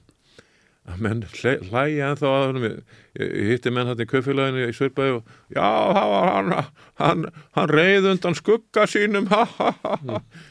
Hlæja menn. En, en, en, en ef menn skoða til þess mynda, myndbandið á lagarhljóðsormi sem náðist uh, Hjörtur Kjærúlf, uh, bóndi með 500 fjár, náði myndbandi af lagarhljóðsorminum. Hann hlykkjast og hann syndir á móti ströymi og hausinn á hann sést mjög vel en síðan er hann mjög klestur svona og með hann segja, já þetta er bara eitthvað ábaraðpókar en hausinn á hann er mjög merkilegur af því hann er blindur. Hann sést á myndbandinu, hann er blindur og hann er með tútu tútur svona eins og brekkusnýl Mm. og, og sjónpípa á kapáti og hún snýst eftir því sem að myndband, myndbandi liður og þetta er mjög merkilegt og, og, og þetta er besta myndband af, af skrýmsli sem til er í heiminum. Mm. Það er ekki, ekkert myndband bet, betur en þetta. Og það komið sko fjöldi erlendra kvimdatökumanna og gert heimildarmyndir þarna eh, hjá Hirsti Kjærúl, hann því miður er hann látið núna. Mm. uh, og það eru sko týjur miljóna sem hafa skoðað þetta á netinu. Þannig að þetta er, þetta er ekkert grín. En enguða síður eru fljóstælingar þeir eru ótrúlegir. Mm. þeir segja sko, já, að því ormur er ekki til þá er þetta, þá þeir sjá sko hann kom upp svona í, með, boga og, og uggabörð á, á, á, boganum Mm. og haus og halli og þeir segja, nei, þetta getur ekki verið ormurinn því ormurinn er ekki til þetta hlýtur að vera gas Mm. þetta hlýtur að vera torfa þetta hlýtur að vera ströymur Mm. þannig Hvað að, sem er annað en ormur. skýringarnar eru, eru, eru bara fáranlegar Mm. miða við það sem fólk sér og menn geta gert þetta af því að menn hafa aldrei búið við að tekna þetta sjónavöldum fyrir en í þessari bók Mm. þannig að hún er- markar tímamót hvað varðar uh, upplýsingar um, um, um þessar skepnur Þetta er rannsókn á skrimslum við Ísland. þetta er rannsók Öllu sem hefur verið skrifað um skrimsl og tekin upp sjónarvotta lýsingar. já, já, Allar sem að þú náður í. já, og síðan getur þú hérna eh, sko þeir sem vilja sjá skrýmslin að það er sko afi Guðmundar Jaka í, í dagsbrún. Hann var, frá Hjartkáls Eyri í Arnafyrði og þegar hann var orðin aldraður þá hérna þá uh, var hann hérna á pressuturinn Rapseyri eh, vinnumæður og hann hafði margótt sér skrýmsli þarna eh, þegar hann var búndi á Hjartkáls og hann sagði frá því og þá hlóðu svona nútíma með hann ah, ah, ah, þau eru ekki til. Og þá sagði hann sko þeir sem að ekki trúa á skrýmslin en, en vilja sjá þau þeir geta farið út á Hjallkárs era hlýðina fyrstu dimmu næturnar í ágústmánuði því þá komaðu þau upp, komaðu upp á uh, fjöruna og þetta geta allir gert og, eh, og ef maður En byrju, gerðið þú það? ég hef farið að einu sinni, já Á sástu skrimsli? við sáum einhverja keppnir sko við vorum bara með myndavélarnar okkar voru bara í símanum þannig að, við gáttum ekki En sástu skrimsli? Hefur þú séð ég, skrimsli? Ég get ekki sagt að það hafi verið skrimsli nei, ég, ég, en það var skeppna sem sýndi þarna fyrir framann En hefur þú ekki séð skrimsli? nei, en ég hef talað við sko Það er mörg svolítið óhefilegt fyrir skrimslasefræði. nei, alls ekki, ég, ég, ég, ég hef talað við sko mörg hundru manns eh, af öllum öllum stærðum og gerðum sem að engin ástæða til að rengja Mm. því eins og ég sagði áður, þú segir ekki skrimslasugu Nei, nei. þér til framdráttar Ég er bara vel, en ef, ef að þú skráir sögur annara sem hafa séð skrimsli, já, þú vilt ekki vera þarna á, á Hjálkarsari já, Jú, og jú. horfa og býða. jú, jú, ég bara hef ekki tíma til. En ég er að segja En þetta þú kýst frekar að fara og skrá sögur hinna, heldur en að sitja þarna og... nei, nei, alls ekki. Ég, ég, það getur verið, ég gerir þetta en ég, ég skora bara á alla að að fara út á Hjálkarsari til að ná mjög góðu myndum af, af skrýmslum Það er svona tíu mánuður hóndir að verður loka ágúst, að... já, já, en e, og þetta er á sko á stórströmi sko stórströmi fjörun að nóttu til, þetta eru nætur dýr og bara af öllum bæjum þarna í kring, þar, þar hafa menn séð þessi gríðar spór eftir þessar skefnur Mm. og það er bara, það er bara alveg út í hött að, að, að rengja allt þetta fólk. Vegna að það hefur engan hagnað af því að, að vera að ljúga þessu Mér var sagt að hérna þegar Júri Gagarin fór upp fyrir guðukólfið Mm. og kom tilbaka og þá sagði hann hérna eh, Guð er ekki til, allavega sá ég hann ekki. Já, akkurat, akkurat. sem er svona að ef að maður sér þetta ekki að þá er þetta ekki til. Og skrýmsl sjást sjaldan. Og þá er það kannski það sem að fólk segir býtu ef það væri til, ef það væri hérna ormur í lagafljóti og mun hefði lifað af hérna eðilegginguna sem að sandburðurinn frá virkininni hefur hérna komið. Þá ættu það að sjá hann oftar. Hvað segir við þessum eh, Já, svona ég, venjulegu efasemdum? Ég hef talað við sko bændur við lagafljót sem hafa búið þar í 70 ár. Og allt í hennu hafa séð orminn sko en ekki, ekki hinn 70 árin sko. Þegar þið talaðu þig? Nei, Nei, ég talaði við þá vegna þess að þið sá orminn og hérna sá að hann bara eitt skipti á 70 árum. Ég er að segja það að, að, þetta, er, þetta er ekki hann er ekki alltaf á fullu þarna í yfirborðinu. En hvað er hann þá þegar við sjáum hann ekki? Sko lagafljót er um 100 metra djúft þar sem það er dýft milli Hall Hallánstaðar og, og Geitagerðis og undir lagafljóti er bara 60 metra setlaga stafli, stafli frá því að lagafljót var, var sjór, sjáarbótn og ef þetta eru ormar sem þetta eru vantarlega Mm. þá getur þau hugsanlega sko lifað á þessu sjáarseti eins og venjulegur ormar lifa á mold. Þú, get, þú getur ekki sagt til um það vegna þess að við, höfum ekki þekkinguna. En, en, en ef þú rannsakar ekki neitt þá, þá, þá, farðinga nýja þekkingu og hafið er, er, er, er, er sko 70% af yfirbúri jarðarinnar. Og við þekking okkar á hafinu er ótrúlega lítil og við erum bara nýlega búin að finna uh, þessar stóru kalla, uh, þessar stóru hveri sem er á miklu dýpi og það er algjörlega sko nýtt lífriki sem enginn hefði getað spáði áður og það er ekki ljóstilífun sem, að, sem byggir upp það, það lífriki heldur að það er brennistinn ef þú hefur sagt einhverjum þetta Mm. fyrir nokkrum árum þá hefur engin, engin allir talað að það væri klikkaður Mm. en, en sér satt það er það er alltaf að bætast við þekkinguna. Og við vitum ekki neitt um lagarfjörnsóknin vegna þess að það hefur aldrei verið ansakað og við viljum ekki rannsaka það vegna eða við getum það ekki í svona því kerfi sem við erum með því að ég myndi senda inn umsókn að ég vilji fá styrk til þess að fara hann að 100 metra dýpi og kanna íverustæði orma sem að hugsanlega búa þar að þá fengi ekki styrkin og ég myndi kannski vera svona dissaður út úr háskóla samfélaginu ég veit ekki, en það Það er er hægt að segja það, að það sé að raunverulega sé eitthvað í eh, svona sísteminu hjá okkur sem að veldur því að við séum ekki að leita hinnu uh, óvænta eða sérstaka. það er að koma inn menn sko eh, þú nefndir Þorberg þarna áðan Já, og Þorbergur varð uh, skrýnslaflæðingur hennar hátíknar Brittadróttingar á merkilegan hátt, það var þannig að Sir Peter Scott Mm. uh, fuglafræðingur sonur Scotts uh, pólarfara sem dó á Suðurpólnum. Hann uh, var hérna og uh, með finni Guðmurssoni fuglafræðingi og þeir voru svona uppgöta uppgöta uh, heiðagæsa heiðagæsavarpið á hálendi Íslands.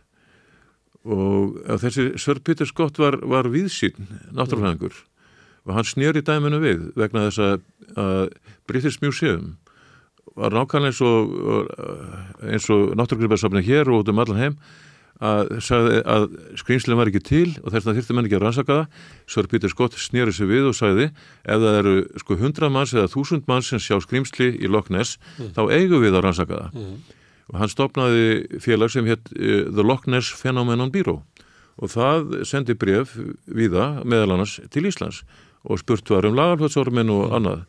En Finnur Guðmursson, fuglafræðingur var svo mikill náttúrufræðingur að hann gæti ekki tekið á brefinu með töngum. Mm. þannig að hann færði uh, Þórbergi brefið Mm. og Þórbergur fór tvo skrimslanleðangra annan fór hann í, í Grjótarvatn í minni Hítardals þar sem Átni Þóransson þessi eh, mikli ligalöfur sem þú nefndir á hann Það ég verð ekki að segja verið, ég verð bara Nei, að nei, vísa nei, til já, þess að þetta sagt var, var. þetta var svona brandari uh, það sem Átni Þóransson hafði sagt honum frá sjónavottum og það er mjög merk skýsla sem hann skrifaði og sem ég fann í brefarsafni hans Mm. og svo fór hann að, að lagafljóti þegar Sigurður Blöndal skóarvörður mm. hafi sagt frá því að hann hefði síðan lagafljótsaminn og það var Stórberg alveg stórkorslegt að náttúrufræði lærður maður Mm. uh, skildi þórað ógna heðri sínum með því að segjast að það síðan lagafljótsaminn Mm. og þess vegna fór Þórbergur þarna austur og eitti þar einhverjum tíma og ætlaði að safna fleiri, fleiri sjónaváttalýsingum. En hann var fyrir gríðalegum vonbröðum með fljóstælinga og í brefi til vinkonu sinna segir hann sem ég fann í brefisafni hans Nú hef ég eitt 14 dögum af minni örþverrandi æfi í það að reyna að hafa uppi á lagalhjóðsólminu. En það er gallið með fljótstælinga að þeir trú ekki því sem er sjá. Eða þeir, eða þeir, þeir eru svo miklu brandisarhyggjum að þeir trú ekki því sem er sjá. Brandis var mikil sko, raunhyggjumöður sko og trúði engu frekarnir fljóstælinga. Trúði ekki einu. Já, þannig að, að þannig er staðan og, og hérna en nú er að koma uh, vísýnir náttúrufræðingar eins og Hilman Malkvist sem er yfir uh, náttúru mínasafninu og hann er mikill áhuga maður um þessa hluti eins og bara uh, góður vísdamaður og hann skrifar formálana þessari bók Já. og Hvað ætlar hann að standa fyrir því að svona bóra ofan í, í, í setlögu í, í vötnum? Já, það, er, það er verið að gera það sko, það er verið að, að, er, eh, að, að taka held ég úr 50 vötnum, það er danst íslenskt uh, verkefni en uh, það niðurstöður því getur tekið mörg ár sko en það þurft að, ge gera svona uh, skemmri uh, pröfur bara til að aðtuga með skrimslin en, en Hilmar mun vantarlega örgla og er, er áfram um, um þessa samvinnu uh, rannsóknarstofnana Mm. í, í, í það að, að kanna þessi skrimsla Uh, Önnur skrýmsli eru hérna geimurur og fólk hefur séð þær. Mhm. og mér skilst að sé nú bara deild hjá Pentagon sem er að fylgjast með þeim. Ég veit ekki hvað er alltaf að gera við þær hvort er alltaf að fela þær fyrir okkur eða að finna þær. Er eitthvað líkindi með þessu? Hvernig við tökum hérna uh, geimurum eða, eða skrýmslum í, í, í, í vötnum og flutum Já, sko Hefur þú eitthvað áhuga geimurum? ég, ég hef enga ástæð til að rengja sjónavata þar, nei. frekar, frekar annar staðar en hérna, en eins og ég segi ég hef ekki eh, tök á því, sko, ég held að, að safna slíkum frásögum en þær eru til hérna í þessu samfélagi Já. og það er náttúrulega mjög sorglegt að, að engi vill hlusta á það að heyra það sko Mm. en uh, mér finnst uh, betra að, að sína því sem nærtakar er. Og það er mjög nærtækt að skoða í þessu vötn sem við eigum. sin eigin poll svona frekar heldur Já, og ég get ne- nefnt eitt dæmi að 1930 þá sáum við þrjú skrýmsli í hestvatni Mm. og og þá gerist að, að, að, að hrefstjórin á Kýðjabergi, hann skrifaði grein og uh, lísti þessu og bað Bjarnar Sæmundsson sem þá var mestur náttúrufræðingur að segja hvað þetta geti verið. Og uh, Bjarni skrifaði grein og sagði þar sem þe- þess, svona skepna var ekki til þá hlutið að vera selir. Og ég talaði við sjónavatta sem var ennþá reyðir út í Bjarnar Sæmundsson uh, yfir því að að halda þið fram að fólk vissi ekki hvernig selir liti út. Mm. þetta voru fer, ferfætlingar með langa háls, langan háls og, og bakið var eins og bátur á kolvi og síðan uh, En þetta voru ekki ormar, þetta voru allt annar Já, það er sko, það, ef menn lesa Já, já. þessa bók, þá eru, eru vatnarskrinslinn, það eru þrjár tegundir minnstu kosti og fimm, fimm í, í sjó sko. Þannig að þetta er ekki bara einn tegund. En síðan gerist það að ég fór sem fréttamaður uh, til Júkoslavi í, í borgarstríðinu þar og þar ferðast með, ég með hjálparstarfi kirkjunar og, og við vorum með, með, með yfirmanni lúterska hjálparstarfsins kanadamaður sem var giftur vietnamskri konu og ég spurði þau, kannist þið nokkuð við skrimsla vött hér í Júkslavi? Mm. Nei, það þekkti það ekki, en, en hérna, en hún var frá Hanoi, Mm.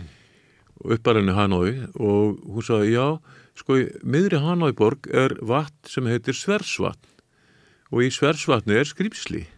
Já, sagði, og, og hérna, og það kemur upp á fyrsta fulla tungli í águstmánuði. Já, og sýsti mín hefur séð það. Já, sagði. Og, og, og hvernig líst þú því? Já, það, hún líst því svona, svo, það var svona svo bátur á kolvi. og allt í lagi með það. Og síðan hérna, kom hérna víjötnarsk viðskiptarsendinæmt nokkru setna. Og ég var sendur að tala við það lið um ykkur viðskipti og, og hérna, og svo spyrjuði, en þekkið þið skrimsli, skrimslið í, í, í Sversvatni í Hanoi? Já, þeir heldur það nú. Þessu jakkaglætu viðskiptafræðingar, það væri búið að ná ljósmyndaði og búið að ná einu og þeir gáðu mér, einu. já, þeir gáðu mér adressu hjá, hjá, hjá, hérna, hjá professor í dýrafræði í Hanoi háskóla sem ég hafði samband við og hann sendi mér ljósmynd af því skrimsli og það er mynd af því í, í þessari ágætu bók skrimslabók og hérna og þá kemur ljós að, að þetta er áður, áður óþekkt tegund af risa, risa vatnarskjálpöku og, og, og lítur nákvæmlega út eins og, eins og dýrin í hestvalli Af Rísa, rísa, rísa skjaldböku. þú, þú sagði það rétt risa, risa, risa. og hérna þá, þá spyrir maður sko ef þú getur haft skrimsli inn í miljámanna borg í mörg hundruð ár á þess að það uppgötust hvað getur þá ekki haft í eh, hestvatni í, í haugadalsvatni í öllum þessum vötnum á Íslandi sem enginn er að rannsaka og það sem enginn býr? Kvalvatni Ég er ekki að vefengja þetta, ég er bara að velta fyrir mér af hverju það er þannig að, að það sem er ævintýralegast Já. og mest spennandi já, í náttúrfræðinni, já það vil náttúrfræðin ekki sjá. Finnst þetta undarlegt. Ég, ég skal ekki segja sko Einhvern tímann var það þannig að við vorum svona á mörgum hins uh, óþekta. já, Fólk var að fara, hætta lífi sinni að fara á pólana og alls konar svæði sem hefði ekki verið fara áður til þess að finna eitthvað nýtt. já, grútt En núna er eins og við séu viljum ekki finna neitt nýtt, heldur erum við bara, viljum við bara skoða það sem að er þegar viðurkjönd og staðfest. Er það þannig? Nei, ég held að geta verið sko, það er í þessum fræðum er svo mörgu öðru að, það er oft að þessi gott að komið sko utan að koma til maður. Eins og hérna Gunnar, Gunnar Jónsson Það fyrskipta þykir ekki þeim sem eru inni í hópnum. Þeir finnst Nei, nei. ekki gott að fá auðvitað að koma Nei, nei, nei, eins og, eins og, eins og í, kjeltamálum og slíku sko. En það er sátt gott, þú ert með annan vinkil sko, heldur en menn sem eru orðnir, orðnir vel eh, sestir í ykkur prófessorsembætti það og Gunnar Jónsson fiskifræðingur, mjög merkur á Hafró Mm. Hann hérna hefur eh, gefin upp þessum nýju fiskitegundum eins og búra og sægreifa og svona nýjum djúpsjóðategundum sem hafa fundist nýla gríðarlega skemmtilegur Sægreifi. sægreif er einn fiskitegund já. búri og annur Já. að hérna, hann lánaði mér svona ritt um skrimsli Mm. og svo var ég að spjalla við hann og sagði, já, hörðu, hörðu vinnur það er gott að þú sért að, gera þetta sko. Ég hef mikið áhuga á þessu. En ef ég myndi segja það hérna Háró var löngu búið að reyka mig. Já. þannig að ég er ekki að sko ógna neinum heiðri mínum með því að, að hafa áhuga á þessum hlutum. Og það er bara mjög gott að, að þetta sé gert að sé tek, þetta sé tekið saman án fordóma. Og þetta er, er fordómálust Já. En e, e, auðvitað er þetta að sjá fyrir sér það sem að svona utanakomandi getur séð eitthvað sem að aðri voru blindir fyrir. En það er ekki alveg þannig í svona einhverju svona faglegu starfi, þú vilt ekki hafa það inn á skurðstofunni að, að þeirra skurðlæknarnir eru komnir, eh, sérfræðingar eða að skera burt krabbamenn, að það er komið síðan bara einhver, einhver annar sem er ferska sín, þannig að það er einhver takmörk á því hvað einn ferska sín eh, hva- hvert við, hvert við hleypum henni. Já, en, en nú, nú er sko náttúran sjálf sko er aðeins uh, víðari heldur en einhver, skurstofu Ó, uh, lærdómur sko, þannig að hérna allir hafa eh, geta skrifað um náttúruna og, og, og slíkt sko Mm. og blaðamenn geta náttúrulega tekið saman efni og það er það sem ég hef gert. Já. Herðu, þú skrifar um kelta, og, eða keltneskan arf á Íslandi. Það kom út í, í fyrra, í svona samskona formi, þetta er eins og, þannig að þriðja bókin hlýtur eiginlega að vera á leðinni. Mm. Þar mæturu ákveðni svona mótstöðu þeirra sem að fyrir eru í, í norrænum fræðum og, og líka í íslensku. Uh, í þinni bók eru langir listar af, af orðum sem að, að þú rekur til gelísku. Uh, Helgi Guðmundsson, uh, hann skrifaði bók sem heit um hafinnan, þar sem hann fór yfir þetta, var að leita að, að gelískum áhrifum á, á, á íslenskuna og fann eh, bara örfá orð. En, en þú finnur heilan helling. Já, Hvernig, hver er munurinn á þér og Helga? Akkur finnur þú svona margt? En, en Helgi finnur eiginlega sönnunina fyrir því að það sé eiginlega sáralítil áhrif gelísku á íslenskuna. það byggir kannski á því að, að hérna að eh, eins og, eins og er margótt sagt í þessu samengi að, að eh, að hann er ekki mentaður í, í Skandinavíu og málið er að ef þú talar eitt skandinavist tungumál vel Mm. eins og til þess ég er sænsku eða, eða norsku, dansku og þegar þú Og kemur, afhjúpast áhrifin á íslenskunni. ef þú kem, ef þú kemur til Íslands þá heyrir þau orð sem að aldrei hafa verið töluð í þessu, þessum tungumálum. Og þá getur þau sko unnið í að leita að þeim í gíliskum orðabókum.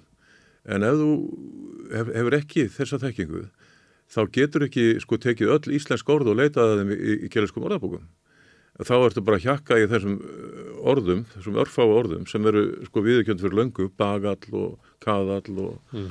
allt þetta. Það er svolítið munur á því sko að, að, að, að koma að þessu máli frá öðru sjónarhóðni og það er það sem gert er, það sem ég geri þegar ég uh, finn öll þessu orð og, og, og örnefni og skýringar á örnefnum sem eru sko augljósar eru, þetta eru grundvallar á strákur stelpa, þetta eru, þetta eru, þetta er hérna elli, æska þetta eru orð sem aldrei hafa verið í, í sænsku, dönsku og norsku Mm. ákveður, ákveður en eru í gelisku en eh, þetta eru orð sem þessir uh, fræðimenn og ég er ekki, ætla ekki að vera gaggrinn hér einstakar fræðimenn. Ég er bara að bera mikla viðingu fyrir þeim og þeir með alveg sko hafa sína skoðanir fyrir mér. En, eh, og, en hérna en málið er það að ég vil bara taka undir orð eh, Gísla Sigurssonar sem er merkasti uh, merkasti fræðimæður á sviði gelískra áhrifa á Íslandi Mm. og hann hefur skrifað um þöggun sem hans rannsóknin hafa Já. mætt hann segir sko um, um þetta sem ég hef gert og ég hef aldrei gefið mig út fyrir að vera fræðimæður á þessu sviði, aldrei ég er áhuga maður á þessu sviði Mm. að uh, þetta er mjög áhugavert þetta er mjög áhugavert kenning sem ég hef með þarna. En það þarf rannsakana Mm. og það er nákvæmlega það sem ég er að segja í bókinni að, að ég vonist til þess að nýjar kynnslóður fræðimanna, íslensku fræðinga málfræðinga, rannsaki horfi í þessa gelusku átt sem menn hafa ekki gert. Nei, og, og einhver leiti vil ég ekki gera því að þótt að gísli segi þetta sem að hefur verið rannsakað það, þá er svona algengar að maður heyri eh, svona tilhörnum til þess að íta þessu bara út af borðinu? Sem einhverjum, Já, þú er heyrt það, ekki? Þetta var ekki, þetta var ekki svona, þetta er ekki veltekið í, í einu svo kallar fræðheimi. já sko ég meina það eru einstakar menn sem er, eh, sem að gaggrina þetta og það er bara eðlilegt. Þetta er bara, þetta er frjáls frjáls uh, umræða. Það er ekkert, það er ekkert af því.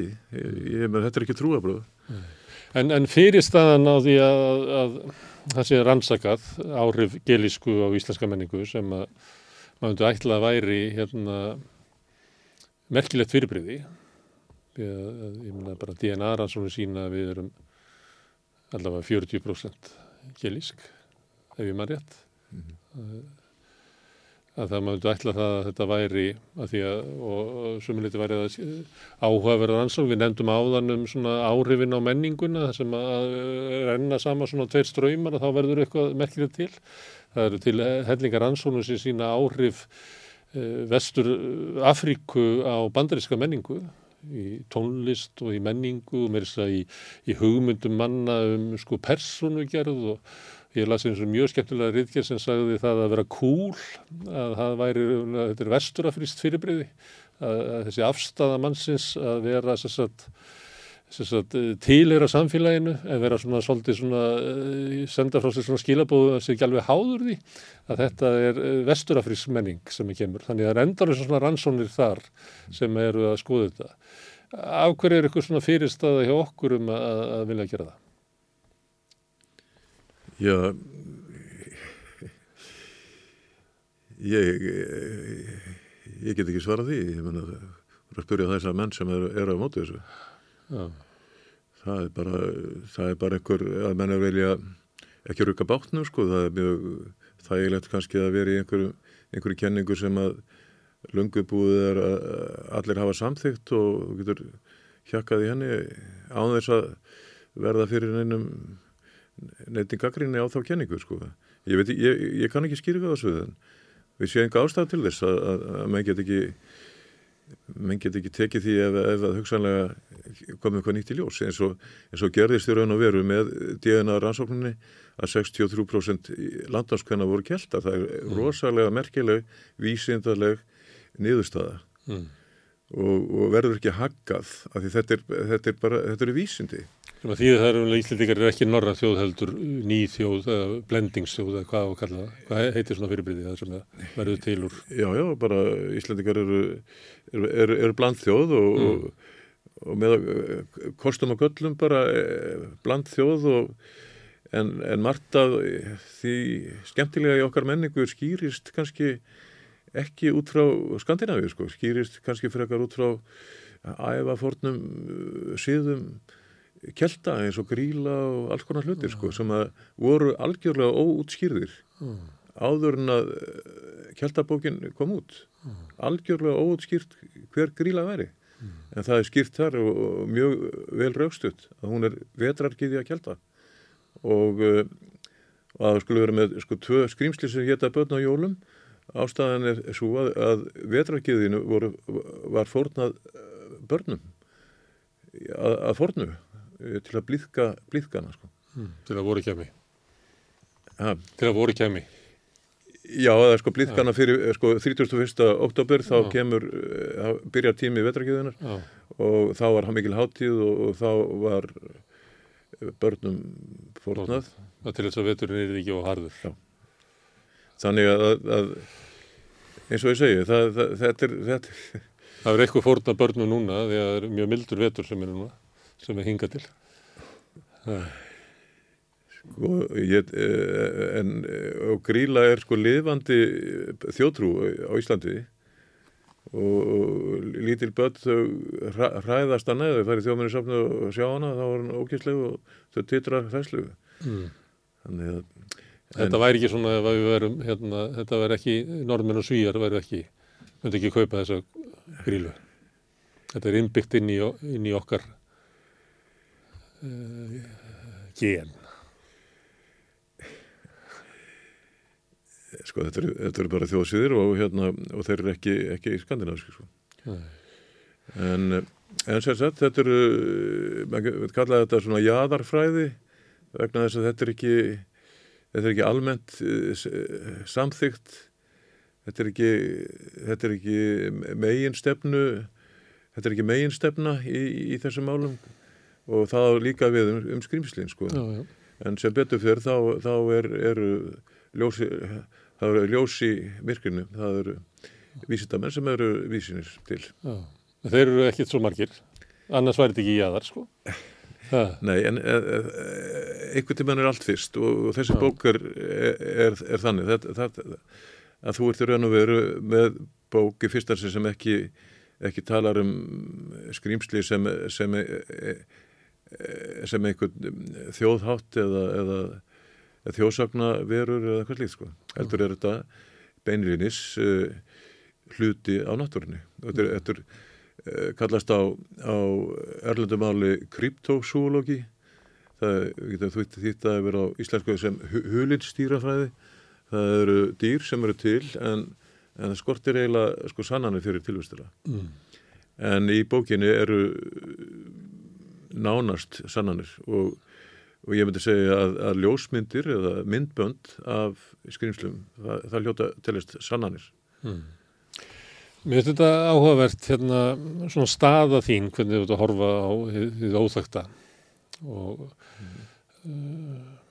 uh, maður geti svona veldi fyrir þessu hvort að þú væri svona skrytin það væri svona öðruvísi. En maður getur líka veldi fyrir sér sko að eh, hvort að hitt sig ekki skrytið að, að, að við horfum ekki meira ángað og hérna það hefur búið að vera í jarðhræringunum í, í Grindavík. Þá hefur búið að vera að ræða við vísitamenn um, hérna, sem allir horfa í sömu gögnin. Og það kemur í ljós sko bara ólíkt svona mat bæði á því hvað getur gerst en, en, en bara marganhátt uh, sérstætt að það er kannski eins og hérna margir gaggrindu Þorvald fyrir að alltfjallafræðing fyrir að, að hérna sína lýsingar þar sem hann taldi vera mögulegt að myndi gjósa í, í Grindavík og, og, og sagðist ekki vilja eh, sofa nótt í Grindavík. Þar sem hann er að draga fram möguleika um hvað gæti gerst. Og að sumileiti gerðist það sem hann hérna, var að tala um sem að gæti gerst. Á meðan að maður heyrði kannski aðra að tala um það sem, væri, það sem er algengast að það gerist, það sem er þá líklegast að það gerist, að það væri eiginlega væri möguleikanir og það að tala um það sem að væri ólíklega að myndi gerast að þá væri við að komin út úr því sem við ættum að ræða. En líklega voru báðir hópanir að horfa á nákvæmlega sömu myndina. En þeir lásu bara einfallega sko uh, sitt gott út úr þessu og að, að sömuleiti var það bara, fannst manni stundum bara tengt sko personuður og svona bara lífsín, hvernig, hvernig þú mætir undrum heimsins, hvort þú horfir á það að hérna, svo til allt geti gerst og heimurinn sé allt sem er í honum og er mögulega í honum annars vegar, eða hvort þú horfir á heiminn það sem, að, það sem er algengast í honum og oftast séð og það sé heimurinn. Þannig ég er að velta fyrir mér sko hvort að þú sért svona líkar í Þorvaldi og þeim sem að, að vilja horfa á heiminn bara sem sem undur og það segir að gleðilegt ef eitthvað gerist í heiminum sem að, að við höfum ekki eins og niður getað séð fyrir. Já, ég held að það sé mikilvægt að, að, að gleðjast yfir, yfir því sem er uh, skemmtilegt og, og geta notið þess að skoða eitthvað sem er kannski óþægt og gæti leitt til uh, sko nýrar þekkingar þetta er sem hún nefnir með eldfjallafræðingana ég verði að segja það að Þorvaldur eldgóðsafræðingur er gríðarlega skemmtilegur og merkilegur mm. og hann og, og Guðrún Larsson þau hafa skrifað mikið um, um eldgjárgóðsið 937 held ég að segja tala núna að það var sko miklu, miklu öflugra heldur en nokkuð tíma skáttareldarnir og það allir gríðalegum hamförum í heiminum og miljónum manna dóu í vegna þess mm. að það allir sko veðarfærsbreytingum og stóði sko nokkur ár og og skemmtilegast er að, að hérna að það er til þýskur annál sem segir frá gríðalögu gósi í Evrópu á þessum tíma og það getur ekki verið annað heldur en elgjár gósið og í þýska annálum stendur að höfðingi eigarnar hann fórst í elgósinu og hvaða höfðingi geti það verið? Það geti verið Úljótur. Úljótur er 930 og hann býr í Lóni östur og hann þarf að, þarf að fara yfir Mýrdalsand og, og framhjá Helgjá og Köllu Þannig að hann geta að hafa farist þar og eh, úrljótur kemur þetta með laugin og svo hverfur hann og þú veist ekkert meira um hann. Finnst þetta alveg stórkosleg verð eh, mögulegi og, Þorvaldur, nafnið minn, hann er svona skemmtilegur jarðhæðingur og alltaf gladur virðast að vera og aldrei í fílu. og ég held að það sé mikið, mikið allir lífinu að, að gleðjast Já. yfir uh, yfir skemmtilegum málum sem eru allstaðar í náttúrunni Já. Það er hérna í bók eftir Tómas Mann sem heitir Félix Skrúl og þá er eh, svona skálkasaga en þegar Félix Skrúl er ungu maður að þá segist hann að hafa átt að segja á því að það veri tveir valkostur í lífinu annars verið heimurinn væri lítill, skilgrinnanlegur og, og þekktur og hins vegar hann væri sko óskiljanlegur, margbreytilegur og skemmtilegur. Hann hefði kosið að lifa í þeim heimi. Já, Hvað tekir við þetta? Þessi bara einfallega hvort, meina, sjálfum sér getum við hort á, á sama heiminn en að einhver leit er þetta líka bara valkostur um það hvernig við viljum upplifa hann. já og uh, ég held að það sé mikilvægt að, að, að þú Ég við að Felix Skrúl er ekki hetja sko í bókinni. Nei, nei. Ég held að það sé mikilvægt fyrir hvern og einn að, að sko gleðjast yfir, yfir, yfir hefinu óþekta og, og gera ráð fyrir að það séu mjög merkilegi hlutir ófundnir. Það sé mikilvægt fyrir er sko eh, líka uppeldi barna að það sé ekki allt, allt uh, vitað. Og sérstaklega á sérlægi að þeir sem bent á sko ævintýrin eru allstaðar kringum okkur. Þau eru í, þau eru í hérna tungumáluna þau eru í náttúrufræðinni og um, það eru svona st stórar spurningar sem að áættir að svara til dæmis uh, akkur heitir Allandsaf Allandsaf akkur er það ekki skýrt í upphafi kjenslubóka á Íslandi uh, við lifum á Allandsafi sem fiskveðu þjóða. Akkur er það ekki skýrt? Akkur heitir Allandssaf, Allandssaf? Og þannig eru mörg dæmi sem ætti nefna og með því að taka inn ævintýrið inn í, inn í skólana, inn í kjensluna, skrýmslinn, Mm. þá ertu komið með bara gríðarlegan áhuga á, á, á málum og allir vilja vera með í því að uppgöta þetta er bara eins og í, í góð, góðri æfintrafbúk Í það fyrir að koma inn í heim þar sem búið er uppgöt allt saman og ef það verður eitthvað meira uppgöta þá verður eitthvað stopnarnir sem að munu sjá um það en ekki þú. já, til dæmis að benda öllum krökkum í Íslandi allir litli krakkar eða úlingar eiga síma og í síman með myndavill fariði og takið myndir eh, við lagafljút, fariði og takið myndir í við Arna, Arnafyrði í Arnafyrði Í staði fyrir selfie. já, fyrstu dimmun allir í águstmánu Herði, ég fór eins og í, í göngutúr með þér. að Þá varstu að leita lækningajörtum. Þú ert, þú rektar og tínir jörtir. Já. Uh, ég hef haft, lengi haft áhuga á því og það eru, náttúrulega kvönnin er náttúrulega, æti kvönn er, er einn merkasta lækningagjört á norðukvöli jarðar. Æti kvönnin er þrý einn, hún er, þú ert með, rótin er bakteríudrepandi, blöðin eru eitt besta veirurlif sem til er. Og, eh, og fræin eru gegn æxlum. Og hún var svo vinsæl sko á miðöldum sem pestarlið að henni var nánast útrýmt með viða og í fósbærara sögu, hvers vegna heldur þú að Þorgir Hávarsson og þeir félagar þurfa að fara í björg til að ná sér í, í kva- kvannir og eru ná- nánast búin að dre- drepa sig á því það er bara vegna þess að henni hefur verið útrýmt á, á, á, sléttlendi. Og, um, og konin hefur verið ra- rannsökuð sko. Og komið ljós að, að hún er gríðarlega öflugt sko verilöf Mm. og síðan eru fleiri mjög góðar jórtir það til dæmis eins og eins og vallhumallin vallhumall þegar ég hringdi og spurði um skrimsli á árum áður þá voru mjög margir sem hefði aldrei uh, neitt af þeim vitað sko en, en uh, þá spurði ég ofta um huldufólk sko, allir konu huldufólksögur og og svo spyr ég að lokum alltaf en var ekki nót, þetta var sko fólk um ný, nýrætt kannski, áttrætt elsta kynslu þá. Mm. en var ekki notaður jurtir heima hjá þér þú veist að allast upp hérna í torbænum þannig jú, jú og það var, það, var- það var það alveg gegnumgangandi að þegar sár vildi ekki grófa það var tekin vallhumall og hann svoðinn og svoðið var hnóðað saman við ósaltað smjör og búin til bakstur og lagt, lagt á sárið og þá greirir sárið.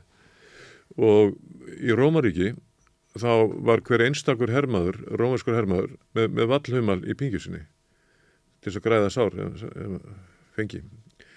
Nú síðan er einn jurt sem er gríðalega öflug, það, það er Jóhannasa jurt hún uh, vex um alla Evrópu og er talin, þjóðsagan segir að hún sé vaksin upp að blóðdrópum Jóhannesa skýrarað þegar Salome let Herótis pappa sinn höggva hausin af Jóhannes skýrara mm. að þá döttu blóðdrópar í jörðina upp, upp óks Jóhannesjurt og er merkileg, hún er blóstrar á haustin þegar maður brítur svona lítil gul blóm á henni þá kemur svona rauður blóðdrópi þar út mm. Og Jóhannesjurt er, er geðbætandi planta.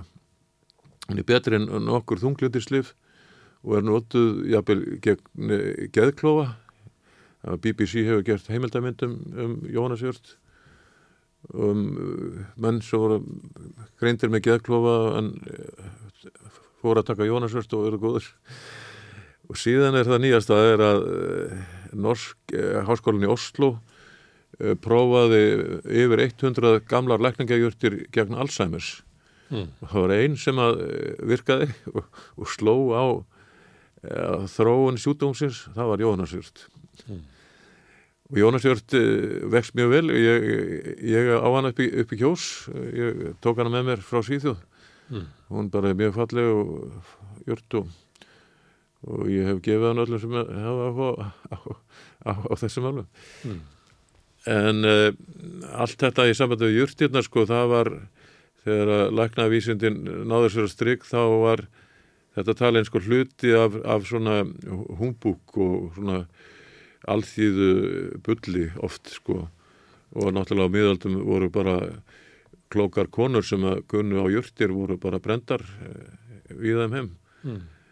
vísa ekki á Íslandi en, en, en þetta er þekking þetta er, þetta er reynsluvísindi kynnslóðana sem að eru raunveruleg En þetta getur maður sagt að hefur verið svolítið jáðar, jáðarfræði sko hmm. hérna og þú getur ekki fengið Jóhanna Sigurd í, í apotekum hér. Það getur ekki bara fengið hérna hjá þér eða eftir það sjálfur, þá sagt þið það var í apotekið. Nei, nei, en ég menna í öllum, öllum hérna lífjaveslegunum í Evrópu getur þú kipt Jóhanna Sigurd, en hmm. ekki hér. Það er einhver, einhver dilla um það að Sigurdin sé að sterka og hann hafi áhrif á e, liv eða fólk er á öðrum liðu sko mm. ég ætla ekki að skipta mér að því en þetta er gríðarlega skemmtileg fræði og, og, og, og óðjúrt hún líkist svolítið kvönn vext með, með fram öllum vegum í Európu og óðjúrt uh, var nótur sem sko aftöku liv í, í Gríklandi mm. Og Sókrates strakk óðjúrtar Sava þegar hann var tekinn að lífi og þá satt hann og drakk úr byggar og, og lærisvennar hans voru kringum hann, Platón og fleiri. Og þeir skráðu eh, áhrifin sko að uh, fyrst lamast menn í tánum og svo kemur lögmannin upp í hnjön og þegar menn hérna, þegar, þegar lögmannin kemur upp í búkin þá, þá deyja menn. Mm. og þessu er öllu líst þegar Sókrates er að deyja. Hann er að spjalla við vinið sín um leið. Og loka, loka orð hans eru borgið, borgið fítið þessi kjúkling, kjúklingin sem við skuldum en síðan var síðan er önnur júrt sem, sem er hérna uh, uh, það er skal ég segja það er venur, venursvagn sem er til í öllum gamlum görðum á Íslandi við plómagörnum, við bólongavík út um allt og krakkar á Íslandi hafa oft ekki svona spora venusvagn og uh, sætur, eða fræ, frævillin er sætur mm.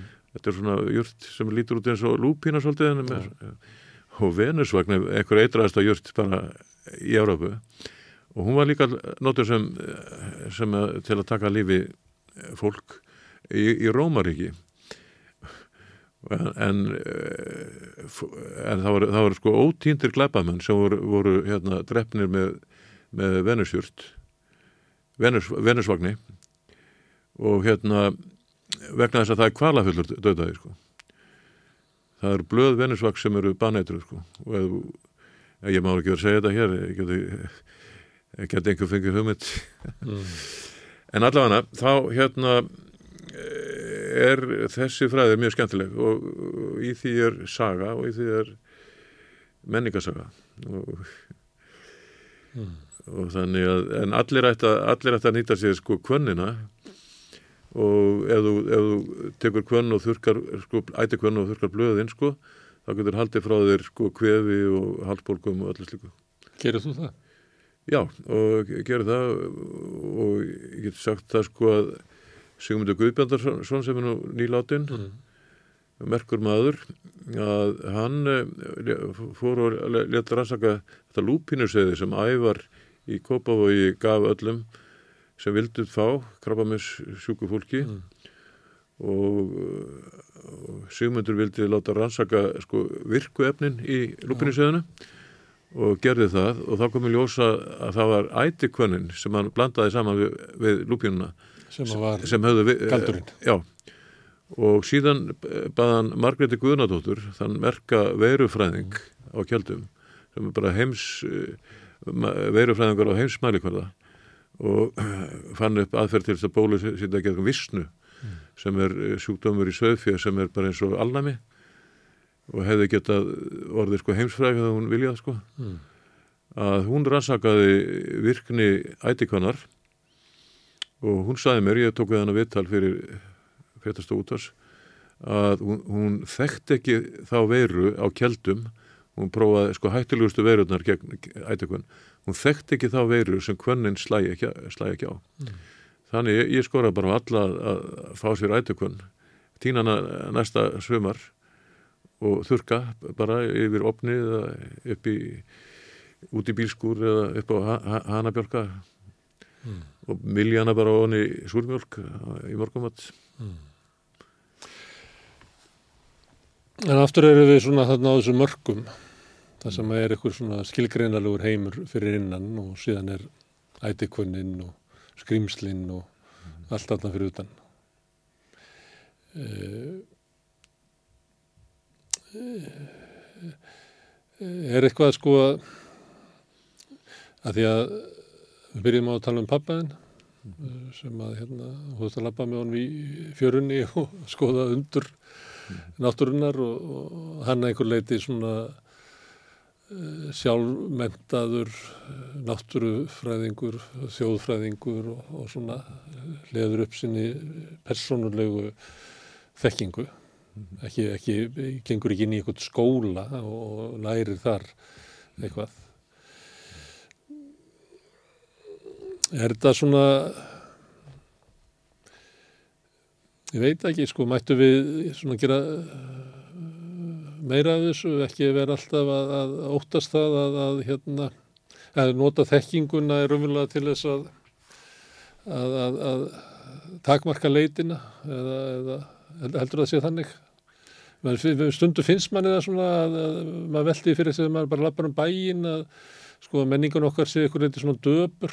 Ég tek nú oft dæmi að því þegar maður situr kannski inn í hörpu og horfi eftir 15 metra koksgráum vegg að, að, að það sé eitthvað og allir eru svarklættir og það sé eitthvað hérna. Og svo að því að við vorum að tala um, um sko 68 og svona að maður heyri svona óman, óminna músikinni frá því þá er það svona meiri svona galdur í gangi trú á meðan að, að, að hljómanir í nútímanum eru svona einhvern veginn svona dimmari.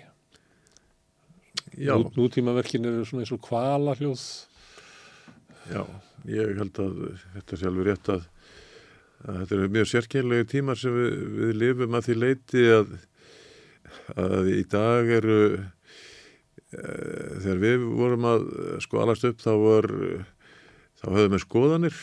Þannig að skoðanir á öllu menn stuttu ykkur stjórnmálasamtök eða, eða stefnur. Mm. í dag eh, held ég að sko ungt fólk sé bara nennir ekki, hefur enga skoðan á, á eina eða nenni sko. Og músíkin er er ekki þessi stefnufasta fallega músík til góðra breytinga eins og maður gæti ímynda sér að, að músik 1969 var og allir eigðu sko betri tíma, fallegri tíma það uh, stjórnmálu voru að fjalla um hvernig við framtíðu ætlum að byggja upp saman. Nú eru stjórnmálu meirum að það er að verja okkur fyrir einhverjum ógnum.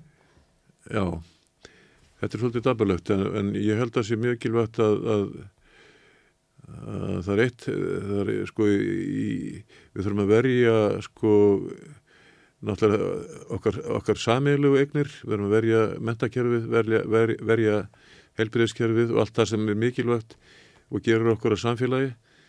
Við þurfum að verja það alveg með 80 og egg.